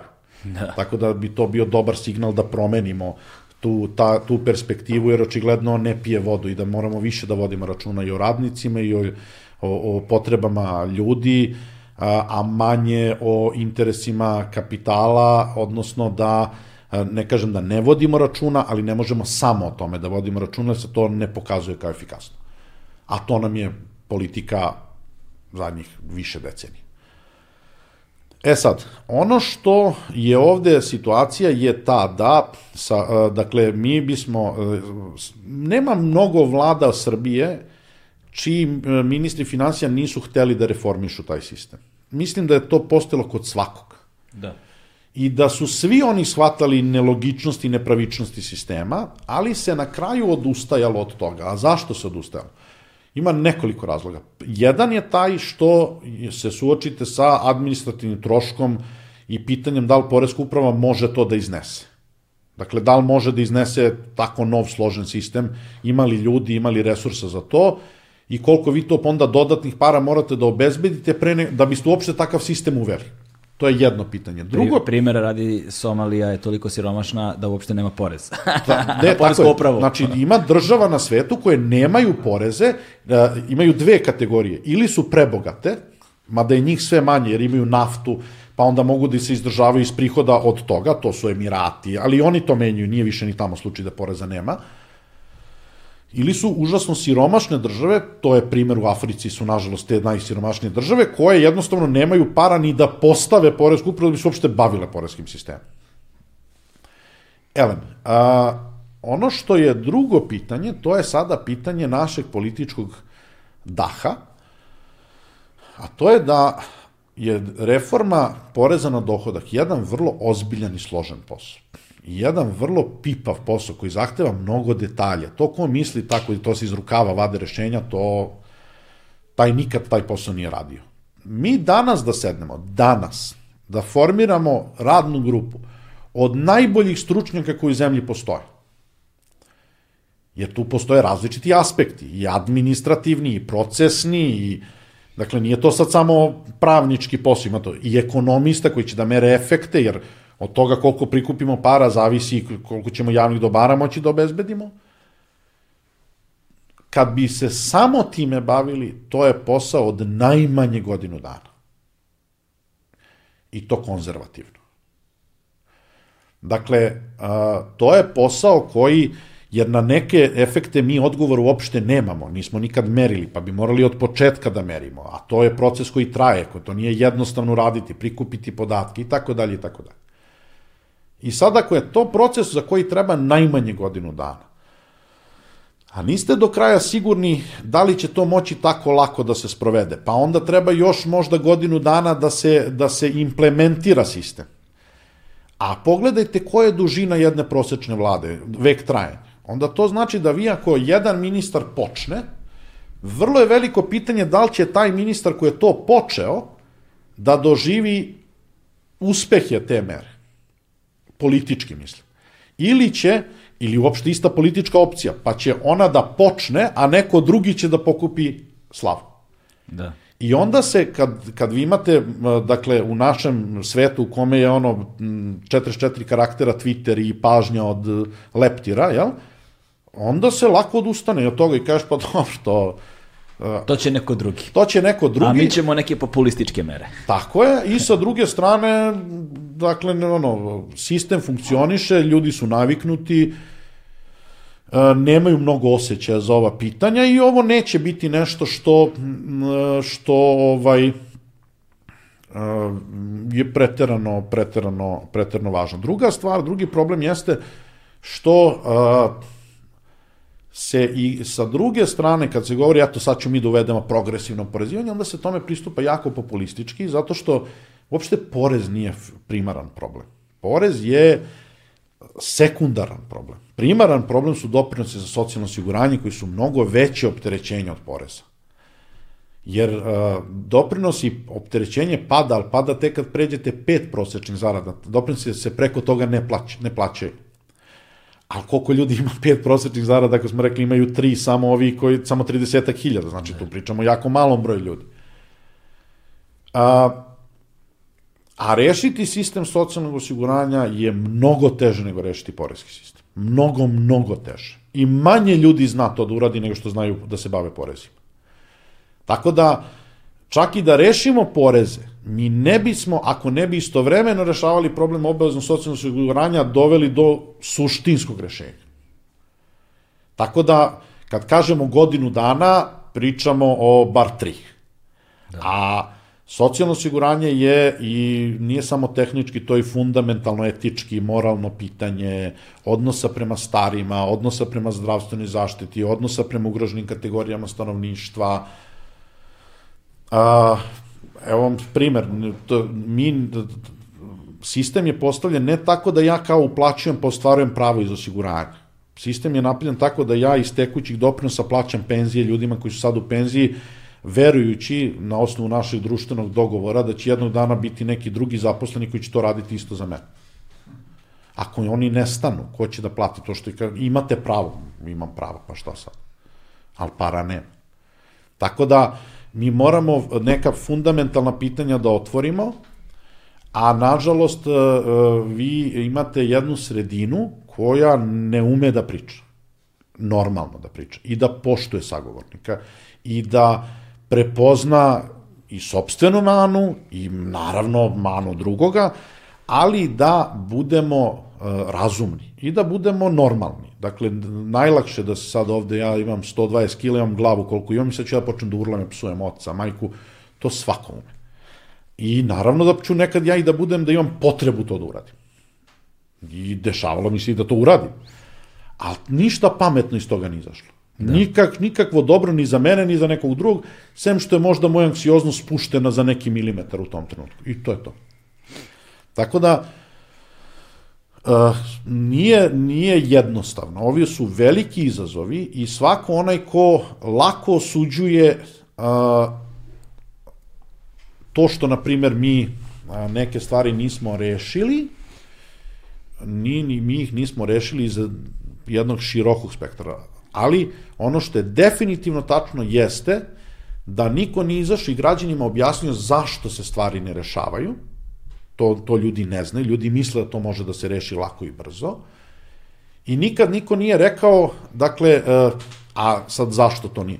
Pa zato što, na primjer, da bismo rešili barem ovaj politički aspekt, mi bismo morali da napravimo, ako ništa, ono jednu radnu grupu koja bi u našem polarizovanom političkom društvu obuhvatila ljude iz različitih političkih opcija. Mm -hmm.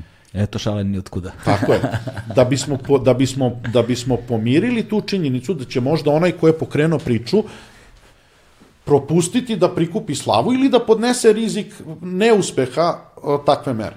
I da to podelimo i da onda kažemo, ok, ovo nije nešto što je pitanje jedne političke opcije. A ako to bude uspešno, onda ta politička opcija, makar i izgubila izbore, -hmm. treba da bude prepoznata kao ona koja je uspela to i to da uradi. Mi smo jedna mala zemlja, malo ljudi zna ovime da se bavi, uh, još manje zna da dobro to radi, a uh, sam, samoživih i jurodivih genija koji sami znaju sve, to od njih treba bežati kod đavo od krsta. Dakle, jedino uh, u nekom razgovoru gde mi jedni druge možemo i da kritikujemo i da se pitamo i da imamo poverenje da iznesemo sobstvene nedoumice, to je nešto gde bi moglo da se iznedri nešto što je kvalitetno rešenje. I prvenstveno da se saslušamo. Apsolutno. Ove... I da se poštujemo. Ja namerno insistiram... Sad već preteruješ. Ne, ne, ne. sad to, već. ne, ja, majke mi, to je, to je za mene nešto što je fundamentalno i e, ja sam radio, a, a, ja ne krijem da sam radio i za ovu vlast. I, to, I sve što sam radio, ja sam radio uh, ono što sam verovao da je dobro za društvo u kome živim ja i žive moje deca. I bilo je ljudi koji meni kažu da sam ja sendvičar. zato što, ne znam, radim za neprijatelja. Ali onda ja neću više da pričam s tom čovjekom. Da. A, jer sam ljut. Ali, a, ja mogu da kažem da sam ja u tom procesu i sa te, pod znacima navoda, druge političke strane, sretao ljude koje ja izuzetno poštujem i za koje mislim da su vredni i dobri članovi ovog društva. I sad neću da ih pomenem da ne bi imali štete od toga. Da. Ali, uh, apsolutno. Kao što mislim da, uh, ne znam, i na drugoj strani političkoj ima opet takvih, a ima i idiota. Mislim, Tako je. A, ali, ali... Problem je tome što ljudi ne razumeju da svet nije i život nije crno-beo. Nije. I nije podeljena tabore i granica nikada nije jasna prava linija I da razgraničavanja. ja nemam obavezu da mrzim bilo koga. Da. Nikakvu dužnost tog, te, tog, tog tipa nemam. I kažem, ovaj, a, a s obzirom to koliko smo mi malo društvo, mnogo malo ljudi ima da zna nešto. Mm. I a, dobro da radi, da je zanatlija pravi majstor u svom poslu. I to mora da se, da se onda vodi računa. A kažem, ovaj, a, ova pitanja, sad kad vi pogledate Twitter, kad pogledate, ne znam, komentare na društvenim mrežama, vidjet, vidjet ćete da je tu uh, krv i nož. I da. nema, nema razumevanja ni za nijansu, ni za, ni, za, ni za detalj, ni za poziciju onog drugog. E sada, dakle, objasnili smo uh, jednim jednostavnim primerom od tipa dve osobe koje zarađuju isti novac, ali žive u potpuno drugačijim okolnostima, kako usloženost sistema a, ne može da iznedri rešenje za svakog pojedinačnog građanina zbog toga što nemamo prosto uslove da to uradimo. Nemamo... Neko bi morao da bude tu da proverava istinitost tvrdnji koje ti izneseš po osnovu svojih ličnih i to bi onda morao da dokumentuješ i mora da postoji procedura iz prostog razloga što sistem koji bi po, počivao na verovanju, jel? Da, da. ne bi mogao da preživi Da, pet to bi minuta. pretpostavljalo, dakle, ono, i te poreske inspektore, rad na, je. te, rad na terenu, administraciju Tako je, silnu, to bi, je. pre- to bi je, infrastrukturu, je, sredstva, tako, to je... sve.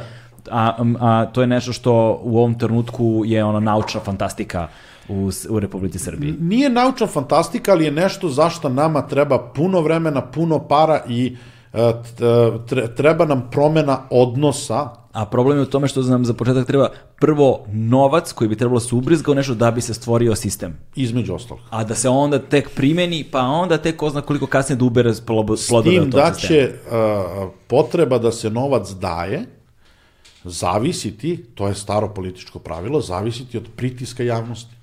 I ako javnost ne misli da te pare treba da se daju, te pare nikad neće ni biti date. Da. Ili će biti date u nekom drugom iznosu. Ako ja prepoznam da meni treba efikasna poreska uprava više nego, ne znam, polovni ruski avioni stari x desetina godina, onda ću ja, zato što će možda poreska uprava da mi omogući da kupim nov avion, Da. a ne da moram da kupljujem polovne, onda je to, to je stvar preferen, A društvene se- preferencije. A tu se vraćamo na populistička rešenja. Tako je.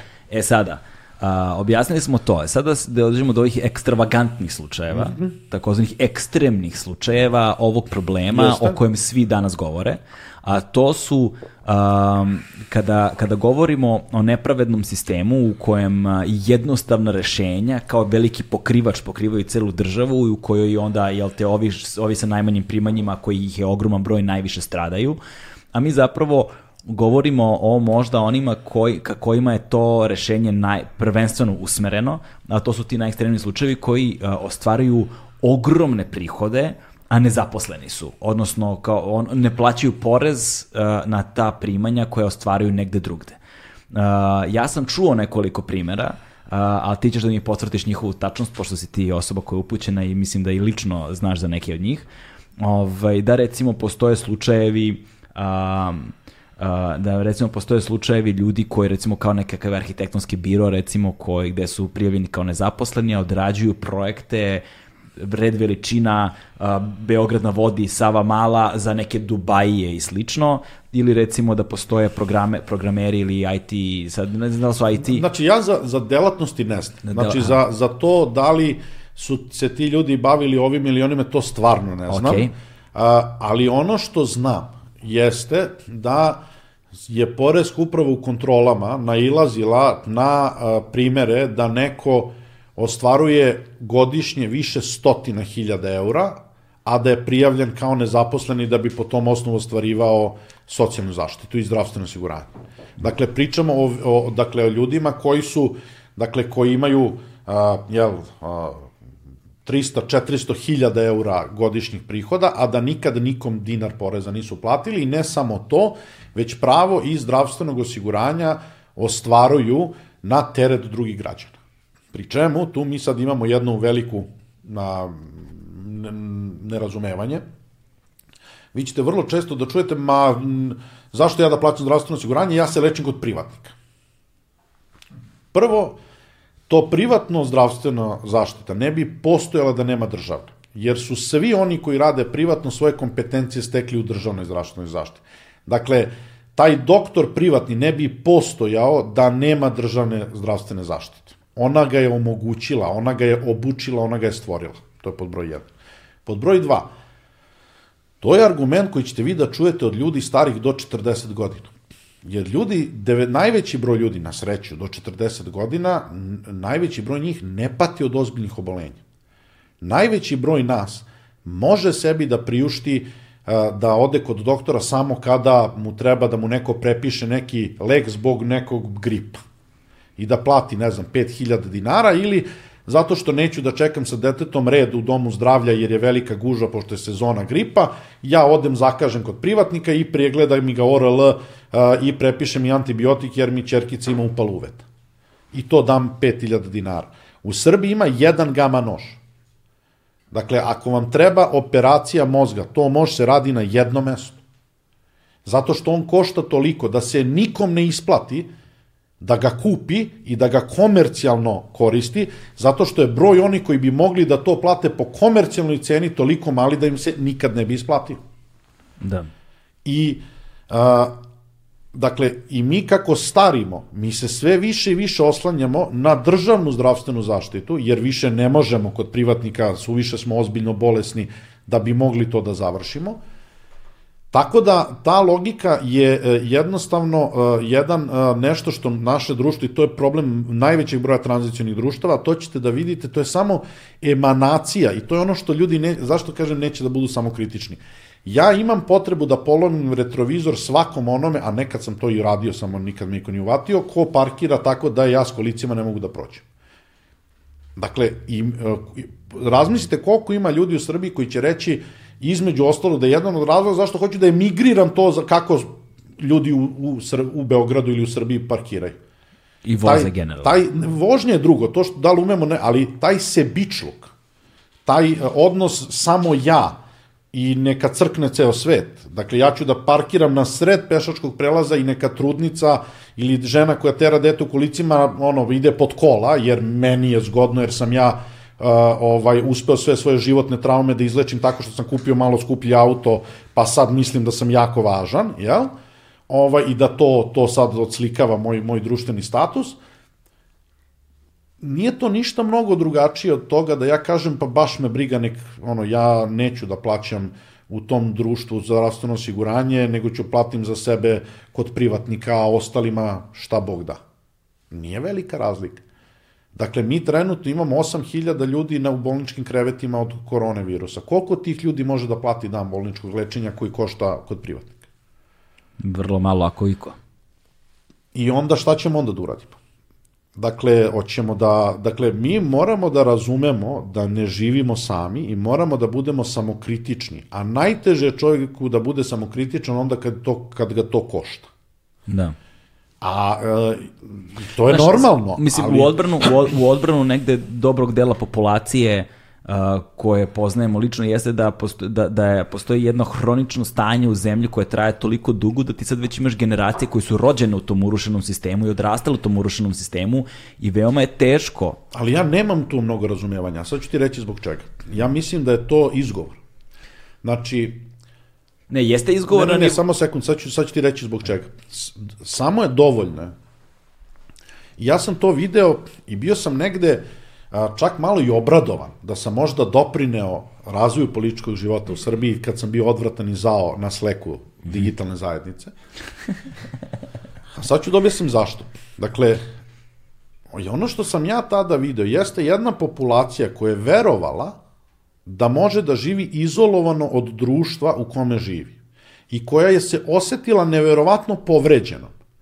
Zato što se odjednom pokazalo da su došli na radar državi, da ta država može nemilosrdno da sprovede ono što je, i da nju, dakle da a, jednostavno se pokazalo da ti kao jedinka, šta god ti o sebi mislio, koliko god lepo sebe doživljavao, jednostavno mašina države će te pregaziti kogod da si. To je tako svuda na svetu, tako zato državi postoje, jel? I da se zato ljudi društveno organizuju, zato se uključuju društveni život, zato se uključuju politički život, zato se objedinjuju i pokušavaju da zaštite svoja prava, svoje interese pred tom mašinom, jer možda ona može mene da zgazi, a ne možda nas zgazi hiljadu, to je onda već problem. I kad je ta digitalna zajednica stvorena, meni je to bilo lepo, ja sam bio, iako su me psovali, meni je bilo drago, zato što sam video, zato sam pomislio, eto sada će ti ljudi, dakle, se objediniti i oni će, ok, ovo je ono što njih boli, da li se ja s njima slažem ili se ne slažem, to je moj problem, ne slažem se, ali opet moj problem. Ne kažem, ne mora da bude moje mišljenje tačno, ali sada će oni razumeti da samo na taj, da moraju da uđu u društveni život.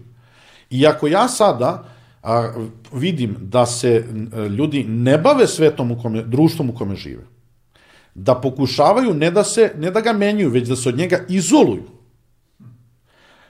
I ako pogledamo koliki broj tih ljudi izlazi na izbore, A nema drugog mehanizma osim u šumu puška i onda šta ko ponese, što bi se reklo. A ne, može, ja? ne može ni puška nju, neko mora da proizvede. Između ostalog, ali, dakle, ako ja neću da učestvujem u životu društvenom kako je su pravila postavljena, onda mogu da odem u hajdučiju, ali da, to je sad ali, već Izvini, ali mislim, ali, ali mislim da se nismo tu potpunosti razumeli, da sve to što si rekao, apsolutno sam saglasan sa time i tu bez daljnjeg, znači ne bih radio ovo što radim i ne bih ti sad bio ovde gost da, da, da, da nisam saglasan sa time. Ne bi ti ni ja došao između ostalog.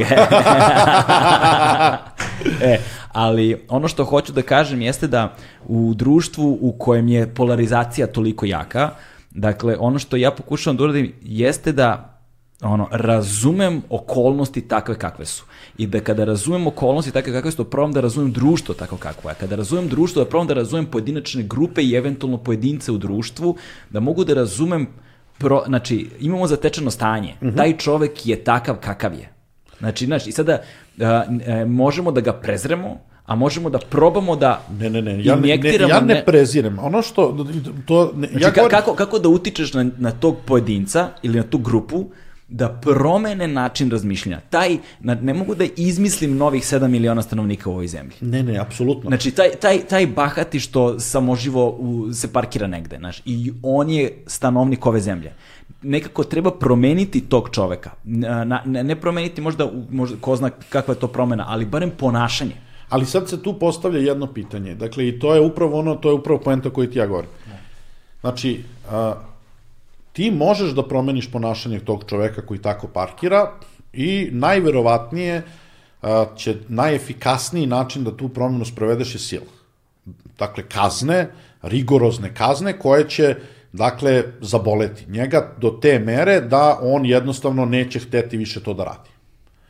Jer će bol koji, mu koji ćemo mu potencijalno naneti, pri čemu moramo da dokažemo da smo stvarno sposobni i da hoćemo taj bol da nanesemo, da je to stvarna pretnja.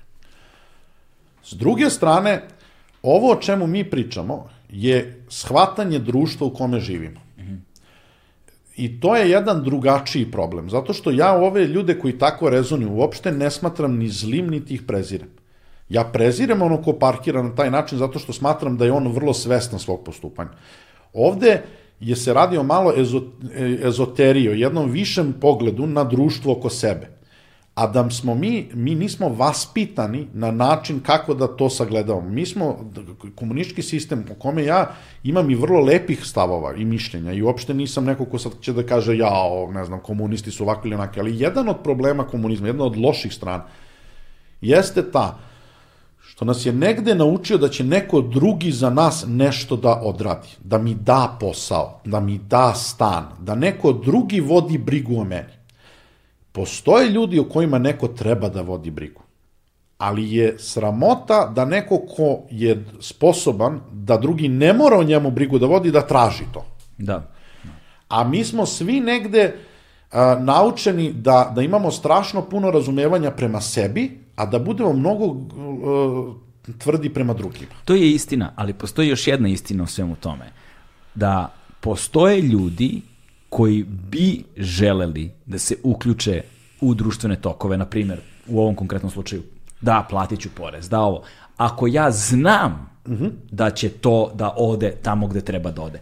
Izgubljeno je fundamentalno poverenje u celokupan sistem, u državu, u, u državu, u zakon, u ustav, u sprovođenje tih istih stvari. Da imaš ljude koji kažu, hoću, evo, platit ću, ali dokaži mi da to neće otići botovima strane. E sad postoji jedno pitanje koje moramo onda da, da vodimo računa. Prvo pitanje Izvini, jeste... Izvini, samo se posle pitanje šta je starije kokoška ili jaje, znaš, to je začarani krug, kako ne se nužno, prekida. Ne nužno. Dakle, prekida se na sledeći način. Dakle, da li ću ja, dakle, i to je e, vrlo jednostavno, e, pošto ja živo sem Australije, obišao sam sve kontinente i manje više sam bio i čak sam negde bio uključen i u društvene dešavanja drugih društava i bilo mi je zanimljivo. Ali šta je sad situacija? Evo ti jedan primer. A, ja, kad odem u Nairobi, ja sam tamo potpuni stranac koji dolazim, odradim svoj posao, ja imam svoj interes što sam tamo, ali ja znam jako malo o problemima tog društva. I mene, kako bi ti rekao, ja te probleme ne osjećam emotivno, jer ja nisam deo tog društva. Dakle, ili u Holandiji. Ti u Holandiji imaš jedan neverovatan rasistički crni Petar, Da, znam. Švarce Pit, ja? Da, da, znam. To je direktno... Praznik, to, kada, kada farbaju svoje lica u crno. Jeste, i izigravaju crnačke robove. Tako je. Koji oko velikog belog svetog Nikole igraju kao majmuni. I oni su u stvari... Koji je, oni, by the way, Deda Mraz za one koji ne znaju. Tako je, to je njihov Deda Mraz koji dolazi iz Španije. Dakle, a to je, i, i sad ti gledaš ljude koji ti objašnjavaju kako je to deo njihove kulture, u stvari to nije rasizam, mislim, bre, Da, oni imaju trenutno ja- dijalog veliki na tu temu. Pogledaj da li to... sliku, pre što farbata čoveka u crno, nema, dru... pri čemu one nije dostojanstveno, ovo je na konju, ovo je oko njega igra, znači sve je jasno.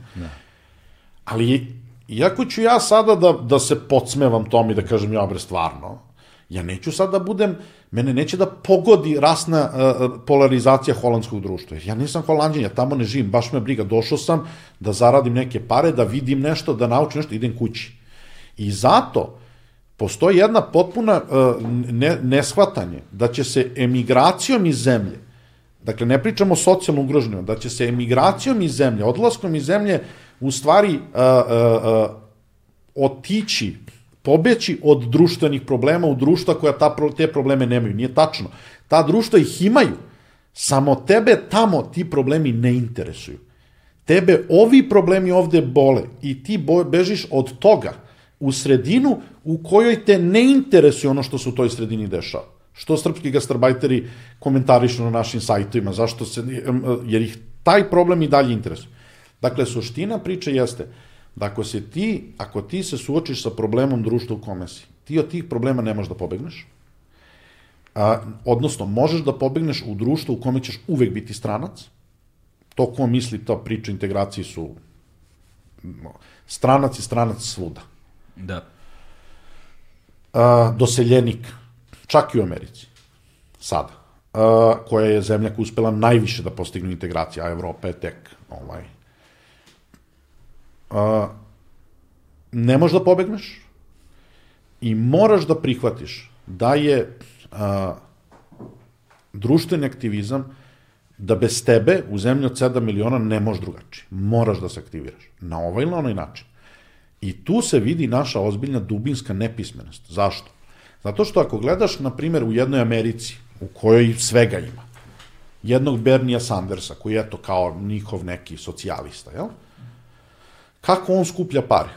Tako što ogromne količine ljudi koji, su, koji nemaju novaca uplaćuju po 5 dolara. Zato što znaju da bez tih 5 dolara on nema šansu. Tako je. Koji broj Srba ili naših sugrađana je uzeo 100 dinara, 500 dinara i uplatio političkom pokretu, društvenom pokretu, u čije ciljeve veruje. A to je problem, to ono što pokušavam ti kažem. A znači, ima te pare, ali nema svest da bez njega i njegove podrške to nema šansu da preživi. ali to je ono što, to je ono što, to je upravo ona poenta koju pokušavam da, da naglasim. Jeste da je to poverenje izgubljeno. Dakle, ja poznajem ljude. Znaš, ti među, među ljudima koje poznajemo obojica... Ali evo ja ću ti reći da- moj primer. Ja sam osetio potrebu da se a, da nešto doprinese. Jer ja jesam nezadovoljan stanjem u zemlji. Na moj način. I a, nisam se ja sad zaleteo. Ali sam istraživao a, dakle gde je to, gde je taj prostor gde ja možda mogu da doprinesem. I nisam išao a, da se zaletim da verujem da dam puno poverenje ovaj bilo kome. Ali sam išao da vidim, da pitam, da, da, da, da, da razgovaram s tim ljudima. Mi smo mala sredina, ogromnom broju nas takva, za ogromnom broju ljudi takva mogućnost postoji. Nisam odmah rekao svi su oni kreteni, svi su oni prevaranti. Nisam odmah sumnjao u njihove dobre namere, nego sam otišao da vidim. Da. I tek onda kad sam poverovao, sam dao podršku.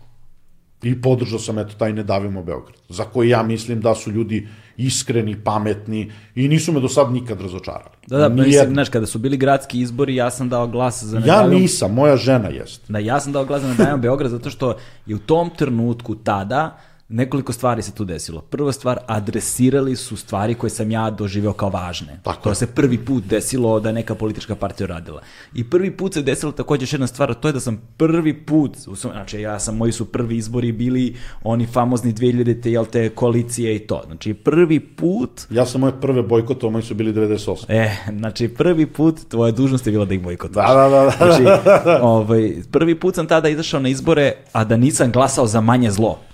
Znaš, kao da, da je bilo zapravo neka opcija, Ali evo, ja, u ove, ja... ja- u ove načela verujem, kao, znaš, to su ta načela, jebi ga, možda se nekome ne dopadaju, tvoje pravo se ne dopadaju, Naravno. meni se dopadaju.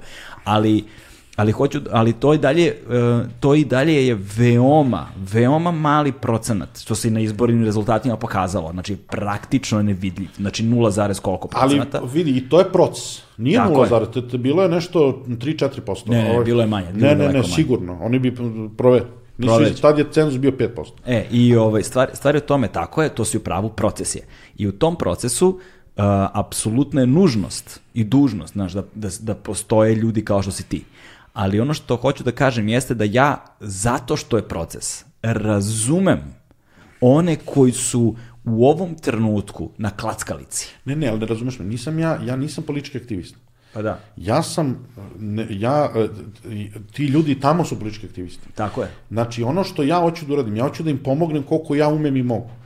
Ali to, šta to, dakle, i, e, ali možda ne, ne, uopšte ne mislim da je, dakle, nije sad ovo Ne, ne, propagiranje. Ja ne. govorim o tome da ako, na primer, ja živim, u, dakle, na, e, škola gde moje dete ide u školu, je blizu raskrsnice gde na svakom čošku je kad dete ide u školu parkiran automobil. Ili dostavno vozilo, ili neki bahati džip zato što je tu blizu restoran ili kafić. Znači, I sad šta ja mogu da uradim? Ja mogu da uradim nekoliko stvari. Ja mogu, na primjer, ja uh, poludim, pa odem, sednem u kafić i pred ljudima čije kola znam da su, zovem pauka i diktiram brojeve njihovih tablica da oni vide. I onda me oni gledaju i ja kažem šta je bilo. Da. Znači, to je sada jedan, jedan Osećam način. neki nagomilani bes. Ne, ne, to je jedan način.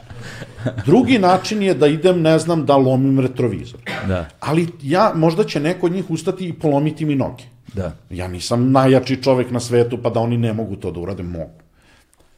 I da meni, da ja sad ne bi dolazio u situaciju, da neko mora mi lomi noge, da ja lomim nečiju imovinu, zbog čega mogu i da odgovaram. Mi treba sistemsko rešenje. Tako to je. je, na primjer, hoćemo da rešimo taj problem. Hoćemo da, dakle, stvar je samo u tome da mi razumemo da ovde, ovo je društvo u kome mi živimo. Tako je. I to društvo nema ko drugi da menja, sem nas, koji smo punoletni, odgovorni ljudi koji, ćemo, koji se zalažemo za neke stvari. Svako ima pravo da se zalaže zašto on misli. Ja zato mislim da, dakle, e, e, ja e, ne volim tu reč bot za svak, dakle, ja mislim da i znam ljude koji, na primjer, nemaju isto mišljenje koji ja, koji veruju u, u, u SNS. I nisu to loši ljudi. I nisu to glupi ljudi. I nisu pokvareni ljudi. Ja se s njima ne slažem. Ali, to ne, ali ja, na primjer, neke od njih mnogo volim. Zato što su divni ljudi. Znaš, e, to je, to, to je, to je sad, to je sad to emotivno, socijalno, egzistencijalno, nazovi kako god hoćeš, ucenjivanje na koje brojni članovi ovog društva pristaju iz puke egzistencijalne iz egzistencijalnog problema. Dakle, ja poznajem takođe broje, određen broj ljudi koji su glasali za, ne znam, Srpsku naprednu partiju. Ja pričam iz ubeđenja su glasali. Dakle, Aha. ne, nikakve ucene. Ja ti pričam o tome da ja znam ljude koje ja volim, emotivno, s- koji to biraju kao svoju opciju. Ja to poštujem. Ja ne znam, ja mislim, barem ne da znam da znam. Pa idite potražite po uh, babama i dedama i vidjet ćete da ima mnogo njih koji uh, veruju u to. da. Ili, uh, vidi ovako, daću ti jedan vrlo jednostavan primjer. Uh, ja, pre neko vremena ja sam gledao snimak Vučić dolazi u Vladičin Han, na prim misle je bio Vladičin Han, otvara se neka fabrika i ti vidiš jednog starijeg čoveka koji plače. Plače. I grlika. I sad mi, ovako povlašćeni, možemo da se smejemo tom čoveku. Možemo da mu se podsmevamo. Ali vodi računa da su to gradovi i sredine na izdisaju. Odakle odlaze svi. To su mesta na umoru u koje decenijama niko nije otišao da im pomogne. Niko nije otišao da pokuša da im pruži ruku. Da li je ova ruka iskrena? Da li je pomoć adekvatna? Da li je to ono što njima treba? To je potpuno drugo pitanje. Ali on vidi neko komu je došao i komu je video muku. Tako je. I ja ne mogu tog čoveka iz pozicije u kojoj ja živim da osuđujem i pljujem, nego ono što si ti rekao, da probam da ga razumem. Tako je. I ono gde bi trebalo da bude, ali ako ću ja sada da njemu dociram i njega da podučam, moram prvo sebe u red da dovedem i prvo po sebi da udarim, pa kad pokažem da mogu sebe da bijem, e tek onda mogu njemu, prema njemu strog da budem. A ne mogu prvo da imam puno svo razumevanje ovog sveta za sebe, Apsolutno. iako sam ja definitivno povlašćen, a da budem nemilosrdan prema onome čija dva dana ja ne bi izdržao bez da počnem da kontempliram samoubistvo. Tako je. E. Apsolutno tačno. I to je ono uh, što uh, ljudi ne razumeju u velikoj meri da je ogromna ono, dinamika i moć ono, vladajuće partije u ovom trenutku.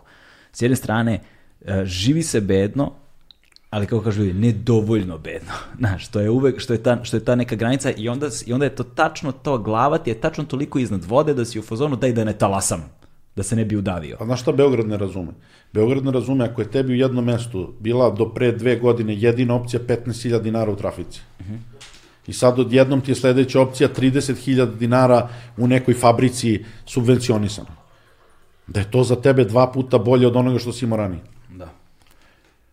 I a, da, dakle, a, mi, ti mora da, raz, dakle, a, mislim da, a, mislim, tvoja, a, sad, da, da, da, da ne, ne, ne, ne, ne, ne budem ovaj, suviše ličan, ali a, mislim da je tvoja životna priča jedan divan primer kako čovek mora da bude svestan koliko je teško da se, da, da kada ti nije sve potaman i kada nisi u idealnim životnim okolnostima i kada nemaš Znaš, ono, tu su a, roditelji koji mogu da ti priušte sve što ti hoćeš i svaku, da pokriju svaku tvoju glupost i da da treba toga da se setiš da ne budeš lak na, na osudi onoga ko nije imao takvu, takvu, takvu mogućnost, nego da probaš da mu pomogneš. Apsolutno.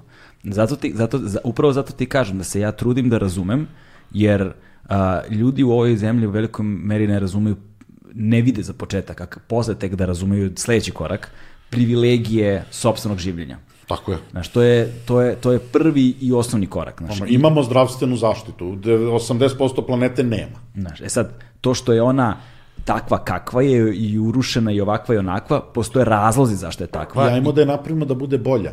Ajmo da je pomognemo, a ne da je srušimo. Tako je, Jer ako je srušimo, treba će nam 100 godina da je podignemo i nam je toliko trebalo inicijalno. tako je, tako je. E sad, Ovaj, udaljili smo se skroz od ove, Tako je. ali, ali zapravo se negde i nismo udaljili, zato što je ova priča Pa to je samo druga strana, to je javni rashod i dakle javna dobra koja ti iz poreza obezbeđuješ. Da. I to je odnos prema tom pitanju. Tako je.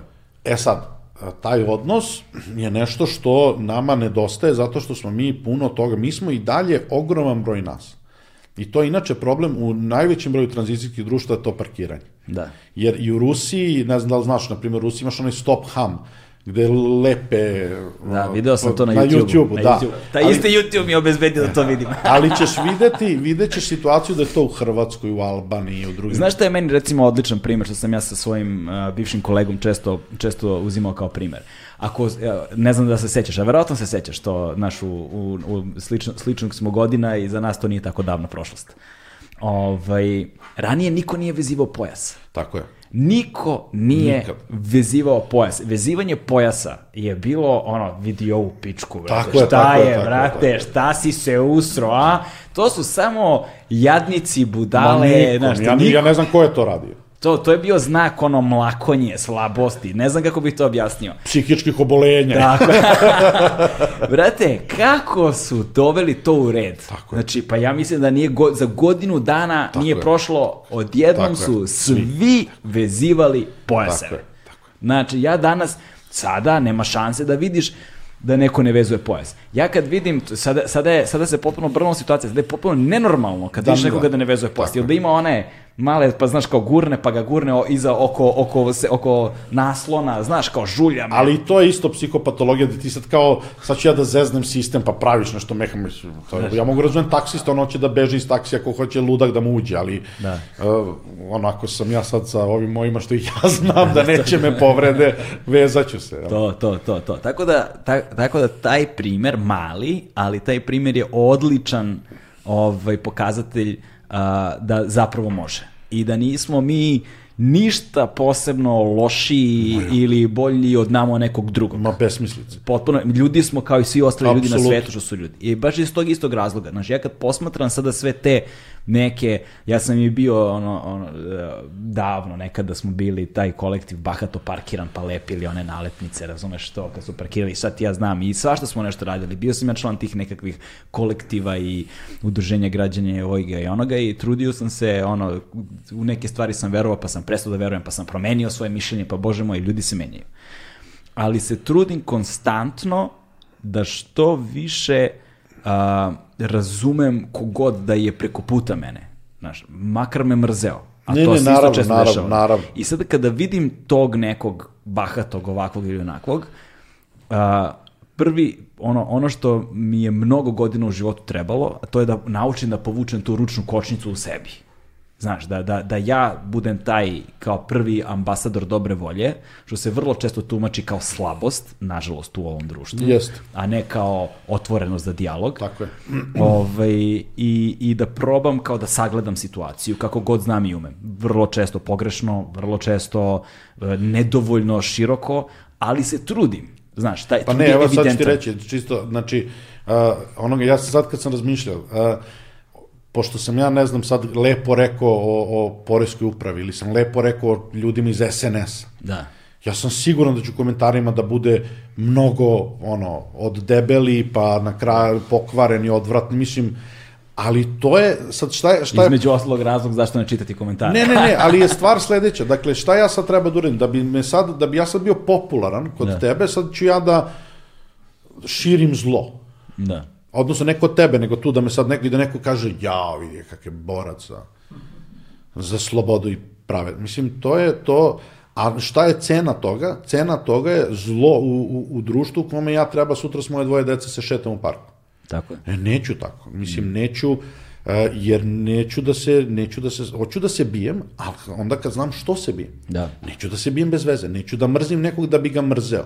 Ili da bi neko mene prepoznao kao. Ja čak sam siguran da određeni, određeni uh, određene stvari koje su u našem društvu postavljene jesu postavljene da bi nas motivisale da se mrzimo. Zato što time kad se mi mrzimo, onda nemamo pametna pitanja. Onda nemamo razumnu, razuman dijalog i onda se trošimo. Tako je. I mnogo se brzo onda razočaramo, jer svi su idioti. I Mislim. to je rak rana uh, svih platformi za društvene mreže. Zato što Sem Facebook. Ali Twitter je jeziv, realno. Ne, pazi, Facebook je tu im, ono, ono veliki, ne, ono, gos, kako, ne, ne, ovaj, Gospodin, gospodar, među- suvereni gospodar toga. Dakle, um, što su to komercijalne platforme za zarađivanje novca koje kapitalizuju na sukobu i polarizaciji. Ne, ali ja, na primjer, ja odem ponekad, bac, nemam, nemam, nemam nalog na Twitteru, ali uđem na Twitter i onda čitam. To, brate, još i nemaš nalog odeš da čitaš. Ne, ne, Šta odem- nije u redu s tobom? Odem da čitam, zato što ja kad to pročitam, ja onda shvatim što ja neću da imam nalog na Twitteru. I, I super mi je. I nema, neću nikad da ga imam. Jer ta količina zla, jeda, Da. otrova, pa to je, to je strašno. To Mhm. nema, to niko lepu reč nema ni za koga. Da. Ne, znaš šta je fora? Lepa reč nije zanimljiva. Pa nikome. Niti zanimljiva, niti privlačna. Tako Ima je, nečeg... Dosadan si, da, da, da, Tako je, dosadan tako si jer kao eto, no, no, da. E sad, znaš, a, Neće niko ni ovo da gleda. ovaj, mislim da će inicijalno krenu, početi da gledaju zato što ih zanima A on će tema. da promene, da. Znaš to, vidjet ćemo ko će da dogora do kraja. Ovaj, pomenuo si... Ali je prihod po kliku, tako da koga briga da li tera do kraja. Znaš, e, pa sad, na, mislim da su algoritmi e, to sada regulisali kako to sa dužinom trajanja, gledanja, nemam pojma Dobro, više. da, da. Ja stvarno nisam stručnjak, ono, evo, 17. put pominjem da moram da rešim problem optimizacije tih stvari, ali bože moj, doći to jednog trenutka na red, samo da sve ovo još, uvek, još malo legne na svoje. Uh, ima mnogo više posla nego što ljudi zamišljaju da ima. Apsolutno. Znaš, e, ovaj, a, a, ti si imao, tebi se javio konkretno jedan a, od tih ekstremnih slučajeva. Pa da to ne smem da, neću da pominjem nikakve imena, ali jeste, bilo je i toga, ali ne, ne mogu da mu pomognem. Mislim, Da. nema, nemam ja mogu, nema, nema šta, nema argumenta. Jel možda govoriš o, o obimu? Mnogo. Neću da pričam o tačnim ciframa, ali mnogo. Ne. Ali je definitivno, dakle, e, situacija da a, a, nema, nema tu, dakle, e, postoje neka rešenja koja bi mogla da se sprovedu. Ali brzo. Brza rešenja bi mogla da se sprovedu na terenu onih lica koja zbog svih ovih nelogičnosti u našem sistemu o kojima smo pričali, koja bi a, po plaćanju poreza bila dovedena u kategoriju socijalnih slučajeva. Dakle, ako su tvoji ukupni prihodi koje si ostvarivao a, toliki da bi po plaćanju poreza a, ti ostao na manje od minimalne zarade, onda postoji i ustavna ustavne odredbe, dakle da se porez plaća prema ekonomskoj snazi, koje bi onda mogle da opravdaju da u slučaju tih lica se sprovede zakonska amnestija. Dakle, ali tu pričamo o socijalnim kategorijama. To je sve do sad otprilike 500 eura mesečno. Pod uslovom da ti je to jedini izvor prihoda. I u toj situaciji mi bi mogli da kažemo naš sistem je takav da ova lica, dakle, da oni nemaju alternativu. Dakle, oni, eh, ako, da su se registrovali ko preduzetnici, oni bi imali bi opterećenje od, ne znam, 80%, tu pričamo o efektivnim opterećenjima, ne o pravim stopama. Tipa, ima, ne znam, 300 eura, mora da da državi 15.000 plus 10% i još 3.000 knjigovođi, nema od toga, mislim, to ne ostaje ništa. A, I tu bi mogli da kažemo, eto, ta lica a, u ovoj situaciji imamo opravdanje zašto, jer kod ovih ostalih ima veliki problem. Imamo sve one koji su to isto radili, a porez plaćali. Koji su, na primjer, registrovani kao preduzetnici i pravili tih 1000 ili 2000 mesečno i sad on kaže, a izvini, koliki uši ja da nabavim? Da, da, da, Da izigram magarca s obzirom, znači, jel mogu ja da dobijem sad te pare nazad? da, da, da. Jel to je isto opravdana? Dakle, zato, dakle, kod ovih lica koja su u socijalnoj kategoriji, pošto kod njih nema tih koji bi mogli da se javi da kažu ja sam kao magarac, jer jednostavno ekonomska logika nikom nije, nikog nije ovaj, e, e, nije omogućavala da, da, da, da, da to radi, onda tu imamo. Druga varijanta jeste, to je jedan problem koji postoji, ne mogu da to baš de, komplikovan tehnički, ali ranije je bilo problema sa time da za neke ljude je postojala obaveza plaćanja neke kategorije obaveza plaćanja doprinosa za obavezno socijalno osiguranje, a da on, sistem nije bio postavljen tako da bi oni mogli da, da budu prepoznati u njemu. Mm -hmm. Pa bi mogli da kažemo, ok, ajmo da amnestiramo one koji su, naravno pod uslovom da nisu zloupotrebljavali sistem, a da oni koji, da ne naplaćujemo onima koji su mogli da, koji, koji su morali da plaćaju, nisu mogli da ostvare neka prava da da ih, da ih oslobodimo obaveze, da plaćaju ono a, š- za što ne bi mogli da ostvare pogodnosti koje su kao plaćali, ali bi onda morali dalje da uđemo, sve ostalo je pitanje temeljne reforme postojećeg sistema, ali to je posao od minimum godinu dana. Da. I to, za to je potrebno da se reformiše, da se promeni zakon i Skupština mora da ga donese. Ali, kažemo, ovo drugo, dakle, to je nešto što je moguće uraditi. Kod ovih drugih varijanti stvarno se postavlja problem. Znači, postavlja se problem koji kaže, ok, a, dakle, kako mi da objasnimo onima koji su to plaćali? Da. Šta, šta s njima da radimo? Jer oni će da se osete, a njih je više. A, da vidimo, a, opet kažem, znači, ok, imamo problem sa ljudima koji su a, koji su zaposleni, koji dopunjuju kućne budžete, stotine hiljada ih ima. Kako njihove situacije, da njih uopšte ne, ne, vi- znači, nemo rešenje koje je njima primereno. Da. Nije tačno da, da su freelanceri, da im status nije bio regulisan. To nije tačno. Dakle, prvo ne postoji, kate, ne zna se šta kategorija freelancera znači. Samostalni preduzetnik, samostalni preduzetnik. Tako je. Fizičko lice koje pruža usluge po osnovu ugovora o delu, fizičko lice koje pruža usluge Da, e po sad- e to sve postoji. E sad još jedna, još jedna kategorija o kojoj ljudi, e, kada govorimo o zarađivanju na internetu i kada govorimo o kategoriji onoga gde će se vjerojatno ovaj podcast najviše slušati, to jest gledati, YouTube-u, takozvani YouTuberi, Da. ovaj, uh, postoji taj čuveni CPM, cost per mile. Cena koštanja na, cena koštanja na hiljadu klikova. Dakle, koliko ti para zarađuješ na hiljadu pregleda. I onda ti kada uđeš u svoju aplikaciju koja se zove YouTube Studio i onda uđeš u uh, top countries by CPM, uh, geographies ili kako sad, sad već to stoji, i ti sad tu vidiš listu zemalja koje, pošto uh, svaka zemlja ima svoju cenu klika. Mm -hmm. I ukoliko tebi klik dolazi iz Nemačke ili iz Amerike ili iz Japana ili iz Srbije, nije ista cena. Ne zarađuješ istu lovu. Što znači, od tih lista zemalja Srbija je obično na poslednjem mestu. Jeste. I recimo na danas sam baš gledao CPM na 1000 pregleda iz Sjednjih američkih država je 10 dolara i 93 centa, dakle skoro 11 dolara, a iz Srbije 0,93. Što znači da je više od 10 puta ovaj, a, Vredniji američki klik od srpskog klika. vredniji američki klik od srpskog klika. Što znači da ako ti zarađuješ na srpske klikove 300 dolara, to znači da vi da si u Americi za isti posao, potpuno isti, da se ništa ne razlikuje, isti broj sa pretplatnika, isti broj pregleda, isti broj svega, zarađivao preko 3000. Sad mogu da ti to pariram na sledeći način. To je sve vrlo, dakle... Ne, mislim, kapiram da je jasno, nego samo- samo- Satnica a, a, u dobre advokatske kancelarije u Beogradu je 150-180 eura na sat. U Americi je 1000. Dakle, radi se, zašto je taj CPM 10 puta manji?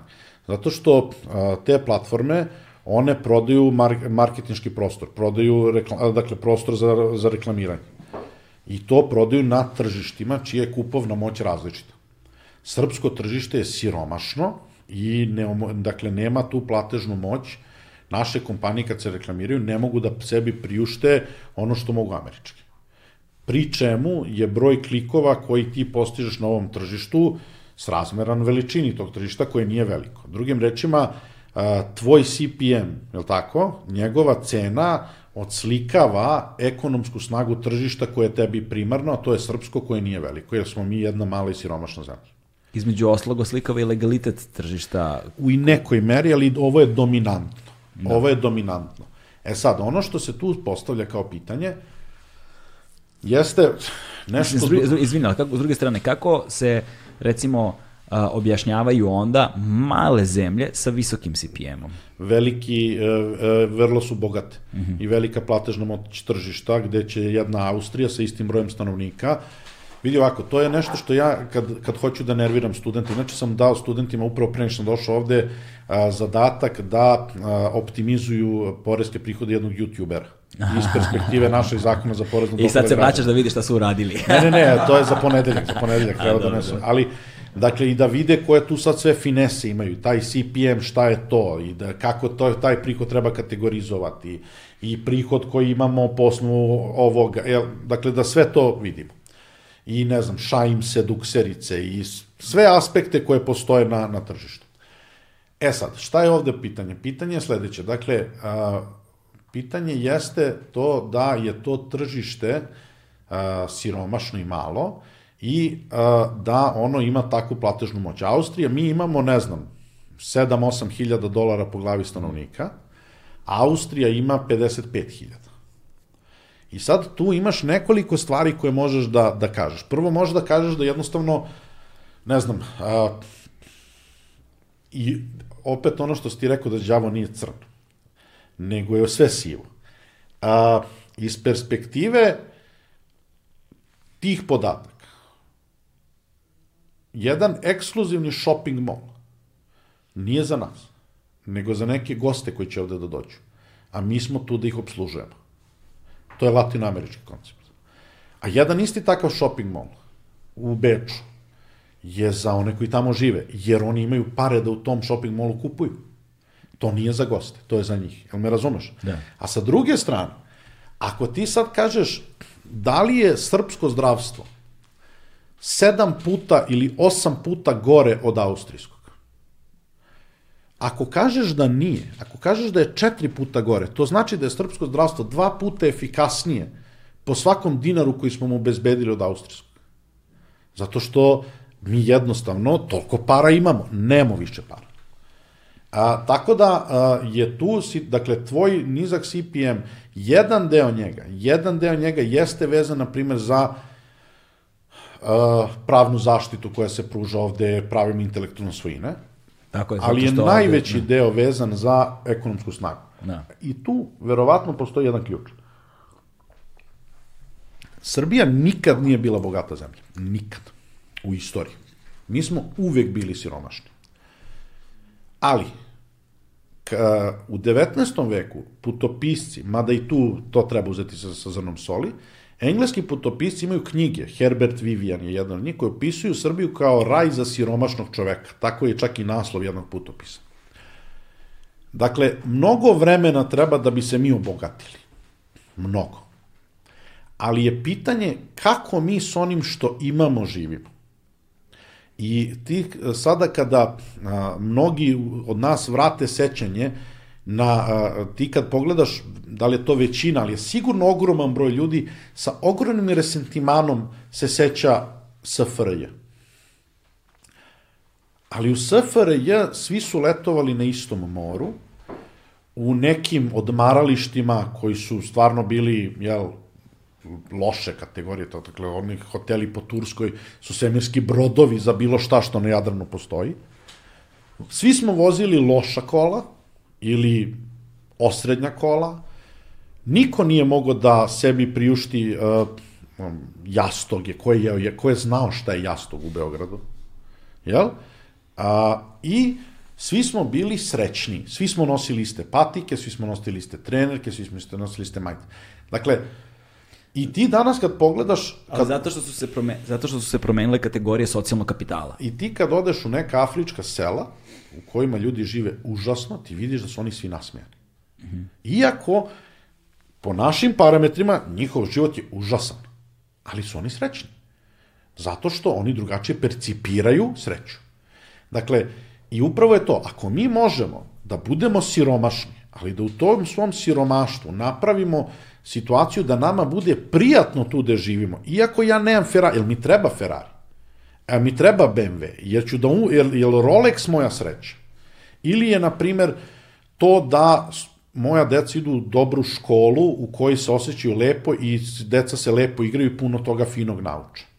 Ili, a, naša zdravstvena zaštita ili javni prevoz ili uopšte ili smo ili pa to ljudi ne znaju mi smo jedna od ključnih destinacija za digitalne nomade jedan od ključnih prednosti Beograda što je užasno bezbedan mi imamo vis veliku mafiju ali mi nemamo ulični kriminal koji u mnogim finim zemljama koje su možda lepše ne znam u Brazilu u Brazilu ne sme se šetaš ulicom Pa ne moramo da odemo do Brazila, možemo mnogo bliže, recimo Barcelona. Tako je.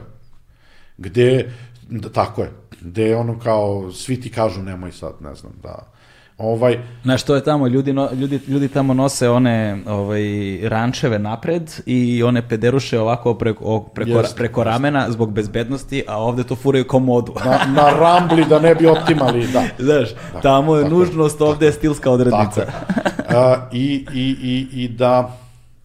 A, I da li će to onda da bude sad svima super? Neće, zato što neko će hteti Ferrari, neko će da, ono, ali, a, dakle, uvek se pravi društvo prema, prema neke, nekoj opštosti. Ali definitivno u tom, u tom siromaštvu, koje je neizbešno, mm -hmm. zato što smo objektivno siromašni, postavlja se pitanje da li ćemo mi sad da, da svi e, budemo depresivni zbog toga ili ćemo pokušati da to što imamo raspodelimo pravičnije. I to je moguće uraditi, porezi su jedna od, jedan od oblika kako se to radi. Definitivno jedan od važnijih oblika, ali onda, dakle, mi moramo da budemo svesni a, kada plaćamo. Tačno je da sam ja razočaran u sve živo i ja lično nisam, ali mnogi ljudi jesu. Ali se postavlja pitanje, a, dakle, šta je alternativa? I šta sam ja uradio, lično, u jednoj vrlo maloj sredini gde se mi svi znamo. Ja sam, kad sam bio mlađi, dosta izlazio. Ono, noću. Ja? I onda sam posle nekog vremena provaljivo da prepoznajem sve likove u klubu. Ja ne znam ko su oni, ali to je ista ekipa koja svi izlaze na ista mesta, svi se... Znači, ovo je mala sredina u kojoj se mi manje više svi znamo. Ali nije samo to, znaš, o, to, to je takođe i jasan pokazatelj e, velikih klasnih razlika. Užasnih. Znaš, jer to je ono, Beograd je grad od, ne znam, skoro 2 miliona stanovnika, u kojem, možda i više, ko zna sada, u kojem ti kada izađeš... Ti, Ti kada, ljudi imaju para da plate piću u klubu. Tako, to su ljudi koji imaju para tako plate piće u tako klubu i to je, ne znam, 5-6 hiljada ljudi koji se Tako vrte je, u krug. Tako je, i to je to. I to je to. Znaš, ako tebi 2% ljudi u Beogradu ima lovu za dobra kola, to je sasvim dovoljno da se vide dobra Tako kola je, na ulici. Tako, je, i to ali... isto i u Rusiji i u, ne znam, je, e, u, bi- u tranzicionim zemljama. Ali se sad postavlja pitanje, a, mi a, s, a, se ljutimo na abstraktne pojmove. Kao, znaš, ono, Srbija ubija, nije to Srbija abstraktni, mi smo izmislili Srbiju. Srbija ne postoji, ne možeš ti pipneš Srbiju. Nema, ili, na primjer, a, nacionalnost. Kao, ja sam Srbin. To je izmišljena kategorija. Znači, ja sam homo sapiens, to se vidi, i, na primjer, da, da ja sad uh, umrem i da se nađem negde na putu go u Rio de Janeiro, ni po čemu niko ne bi mogao da utvrdi da sam ja Srbin. Eventualno bi po glazuri zuba mogli da otkriju oblast Evrope u kojoj ja živim zbog toga šta sam jeo, pa sad tu ili vazduha zbog zagađenja, ali to krajnje otprilike, ali ne bi mogli da kažu da sam Srbi, možda sam Rumun, možda sam, pojma nemam, Albanac, mogu, jel, jer mi čisti leba jedemo, klima je tu, zagađenje je slično, jel, da. male zemlje. Dakle, to su izmišljene, abstraktne kategorije ljudskog uma, koje smo mi izmislili da bi živjeli lakše u jednom društvu, da bi sebe neko Ne, ne, organizovao. ne bih se potpunosti složio da jesu artificijalne kategorije, svakako, veštački ne možeš da mi izvadiš krv i utvrdiš nacionalnost, ali pitanje formiranja identiteta, Ne, ne, da ne razumeš, znači ja, ne, ne, ja osjećam svoj identitet Da. i ja ga vrlo lično doživljam, ali sam ja svesna njegove prirode. I ako je to tako, onda ja ne mogu da budem ljut, ja sam taj identitet između ostalog i izabrao. Dakle, ja jesam rođen u nekoj porodici, ali sam ja deo ovog društva, mogu da odem. Mogu da probam negde da odem. Identitet te prati do jedne mere. Ali je stvar sledeća. Ako je to ta kategorija, onda ona zavisi od tebe. I ti moraš, i zato e, niko se ne raduje što plaća porez. Niko. To su vrlo redki pojedinci i verovatno imaju problem. Ali je a, stvar u tome da ja prihvatam to. Zato što ja znam, tačno je da jedan deo toga odlazi za namene koje ja ne, koje, e, ali ne može da se ukrade 100%. Ne mogu botovi da pojedu 100%. Ipak 90% toga ode na ono na šta treba da ode. Ili 80%. Mislim, isto tako, isto tako jedan Amerikanac koji plaća porez, ono, vrlo verovatno zna da mu deo love ode, ode na to nuklearno naoružanje, ali ne može sve da ode tamo. Ne može. I onda ja mogu da kažem sebi, ok, ja ću da se borim, ali ne da srušim sve, nego da tih 20% ode tamo da ja mislim da treba da ode, zato što su moje vrednosti takve i takve. I to mislim da, da nama, nama jako nedostaje. Da ova priča sa freelancerima pokazuje koliko ljudi prvo nisu svesni propisa i okruženja u kome žive, koliko je rasprava a, ostrašćena mm -hmm. a, i koliko u stvari mi neke, dakle koliko, znaš kako, to je, ja sam ceo život praktičan. I kad kažem praktičar, mislim da sam, ono, ja sam porezki konsultant od prvog dana svoje karijere do dan danas. I mnoge sam savjetovao. I ono što bi se reklo, ja nisam teoretičar, ja sam kasap i meni su ruke krvave do ovde. Ali ono što ja znam jeste da bez teorije nema vrhunske prakse. To je nemoguće. Isto tako, bez sagledavanja opštih društvenih pitanja, nemoguće je dobro rešavati pojedinačna pitanja. A mi u ovom društvu, znaš, kad svi kažu kao, to je bez veze tamo, oni tamo uče teoriju. Kao ovde ćemo mi da učimo praktične stvari. Bez ljutnje, praktične stvari preuzima artificijalna inteligencija. Mi danas imamo sisteme koje su napravile Beogradske advokatske kancelarije koje čine pripravnički posao u 90% slučajeva nepotrebni. Sve može da uradi mašina. Šta ću ja da te učim kako se popunjava porezka prijava? Pa to može da uradi mašina bez tebe. Ja moram da te naučim konceptu. A da bi te naučio konceptu, da ga shvatiš, ja moram da ti dam teorijsku osnovu. I onda ćeš ti kroz nju moći da daš jedinu dodatu vrednost koju čovjek može da da, a to je ta dedukcija. Da, zato smo ovaj razgovor počeli 1923. godine. Tako je. Između ostalog. Ja, ja to objašnjam fenomenom uh, odnosa nužnosti i slobode. Uh, sloboda, jedini način da se sloboda izrazi jeste unutar okvira nužnosti. Nužnosti su nužnosti zato što su nepromenjive, na njih ne može da se utiče i one su to stanje u kojem mi postojimo. I svoju slobodu možemo da ispoljimo samo unutar tih okvira. Ne možemo da dišemo pod vodom, ne možemo živimo u svemiru. Dakle, imamo nekakve nužnosti koje nas ograničavaju, unutar kojih mi ostvaramo svoju slobodu. Nužnosti vremeno mogu da budu promenjene, recimo sad možemo boravimo u svemiru zahvaljujući svemirskim letelicama na vrlo ograničen način, vrlo selektiran broj ljudi i tako dalje, ali mogućnost postoji. Isto tako da, bi, da bismo mogli da ostvarimo svoju slobodu u nužnostima kojima smo okruženi ovde, mi moramo te nužnosti da prihvatimo. Moramo da ih shvatimo, moramo da ih doživimo, moramo da ih razumemo na kraju krajeva. Znaš, meni strašno smeta taj beskrajni lament nad sudbinom u ovoj zemlji. Pri čemu taj lament nad sudbinom je deo jedne neverovatne razmaženosti. Zašto? Sad ću ti reći zbog čega.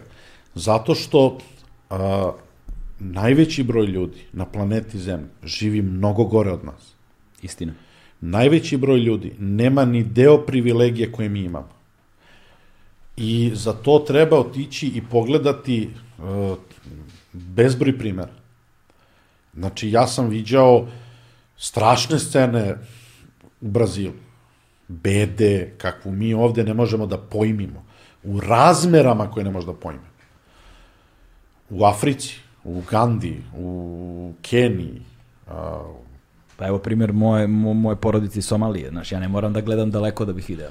Dakle, gde mis, ti... Mislim da je to trenutno jedna od najbednijih situacija na planetu. Apsolutno. Pri čemu nije moralo tako da bude. Apsolutno tačno. Dalje, da, da ti pogledaš uh, situaciju u kojoj uh, gro problema koje mi imamo, gro problema, imaju i druge zemlje. Samo treba to pogledati. Šta mi znamo o ljudima koji žive oko nas? Ne, to ne mora Somalija, ne mora Brazil. Šta mi znamo o Bugarima? Da. Šta mi znamo o, o, o naš, na primjer, mi ćemo reći, a, eto, mi pati društvo zbog kosovskog pitanja. Oni danas, zemlja koja ima, koja je dva puta gore pogođena od nas demografskom kataklizmom. Znači danas imali su 9 miliona stanovnika, a 90 imaju manje od 7 miliona danas. Ima manje Bugara nego Srba na Balkanu danas, što nikad nije bilo slučaj. A, se bavi time da li je Goce Delčev makedonac ili je Bugarin i to je, ili car Samuil iz 9. veka, 10. veka, koji je. Znači, ili o Rumunima. Šta znamo o njihovim problemima njihovog društva? 130 dana u Sofiji svaki dan su demonstracije protiv vlasti i korupcije. Šta mi znamo o tom? Šta znamo o podeli mađarskog društva na socijaliste i konzervativce? Ili o njih, mi smo doživeli uh, egzodus iz krajine. Uh, i, i, i, i, kolaps jedne države za koju je, su Srbi 2 do 3 miliona mrtvih dali. Toliko je na oltar jugoslovenske ideje položeno od prvog i drugog svetskog rata. A oni su imali Trianon u kome je 50% Mađara ostalo van Mađarske. I jedna velika svetska evropska kraljevina, koja uvek bila moćna zemlja, svedena na, na veličinu naše zemlje. Ili šta znamo o Hrvatima? Od njima nešto malo više znamo, ali a, o, o, o, o, o, zato što smo živjeli u istoj državi. Šta znamo o Albancima, ne daj Bože? Sem da su najgori na svetu. Jel? Ali šta mi znamo o njima? Šta znamo o podelama u njihovom društvu, izazovima njihovog društva? Uh, mi vičemo jedno, oni spaljuju pasoše kad se seli iz Albanije. Iste, potpuno identične probleme u mnogim zemljama, A, da, mislim, oni su bili pod Enverom Hodžom pola veka, pa posle toga su imali, sada. pa su imali građanske sukobe, oni su imali praktično građanski rat 97. godine podelom, pa, pa između južnog i severnog tako dela. Tako mislim, bio sam nekoliko puta tamo, oni imaju ogromne probleme. Druga stvar je... Njihova ko korupcija tamo, to je... Dakle, šta su to problemi? Divlji zapad je. E, onda postoji ta, i sad tu postoji jedna divna priča. A, to je priča koju sam ja čuo davno u Americi, o jednom austrijskom naučniku, koji je bio... Rekao, rekao austrijskom bodybuilderu. ne, ovo je bio naučnik i on je bio strašno nesrećan. Zato što je, jer živi, jer je austrijanac. Jer je on smatrao da je Austrija ta sredina koja njegovom geniju ne da da se ostvari. Jer to je mala zemlja, nema dovoljno resursa za istraživanje, finansiranje i tako dalje, tako dalje. I onda je on došao u Ameriku. Na najbolje mesto na svetu sa finansiranjem univerzitet koji ima veći budžet od Austrije. Mislim, bukvalno na mestu gde ne postoji ništa što ne može. Sve može.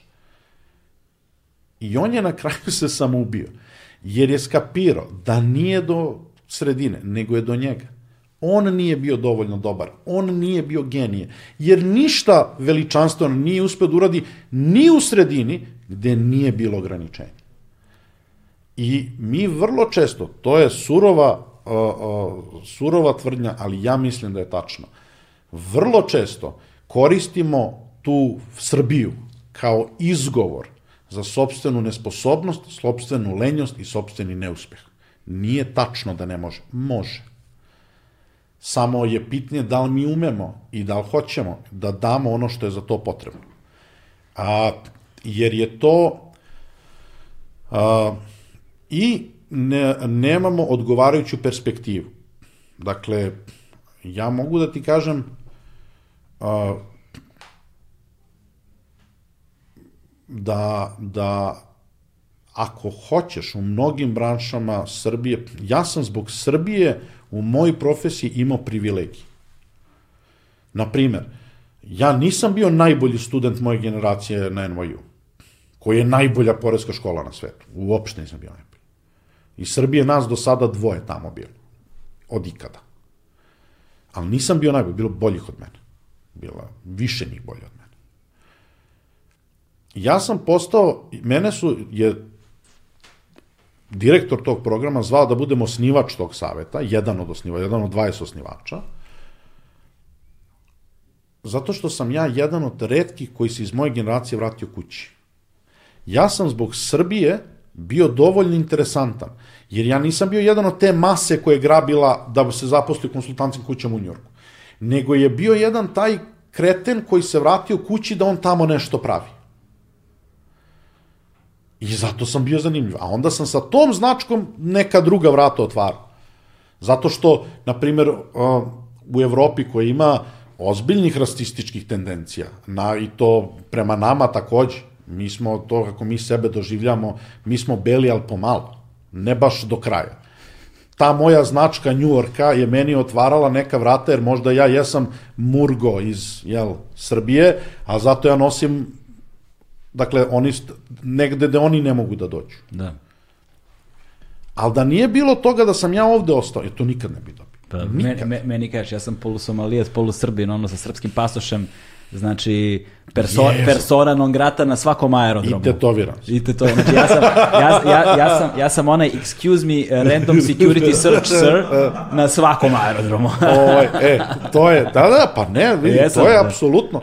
Dakle, i to je, to je nešto što je, a, kako se zvaše, primer da mi a, podcenjujemo to, ali ja opet kažem, znači, ne govorim ja o ljudima koji su, koji su u teškoj situaciji. Naprotiv, ja govorim o ovoj povlašćenoj kategoriji koju ja pripadam, a ja definitivno pripadam povlašćenoj kategoriji. Po svim elementima. Sramota je kukati na Srbiju. Sramota. Zato što a, ima ko, ko treba da kuka, ali ne ja. I ako nemaš pravo da kukaš, a problem je taj što ovi ko što sam ja najviše kukaju. I to je problem srpskog društva. Dakle, ako nemaš prava da kukaš, plati porez. Između ostalo. Između ostalog. Između ostalo. E, ovaj, to je taman dobar završetak ovog razgovora. Patriotski. Ovaj, hvala ti, patriotski, da, bratski i patriotski. A, hvala ti puno Nema ovaj, čemu, na hvala gostovanju, hvala ti puno a, na ovom opsežnom razgovoru, na analizi svega ovoga i na razjašnjavanju i raspetljavanju konfuznih pojmova a, za one koji su bili strpljivi, koji su oslušali, siguran sam da sada razumeju sve i da nema šta ovaj, da ostane nejasno. O, I ne znam, da svima da puno sreće u budućem plaćanju poreza ovaj, koji ih čeka. To je sudbina svih nas. Ima ona stara o smrti i porezu, ali da ne ponavljamo kliše. Hvala Jest. ti puno još jednom. Stigli smo Hvala do kraja. To je to. Važi. Vidimo se. Ćao.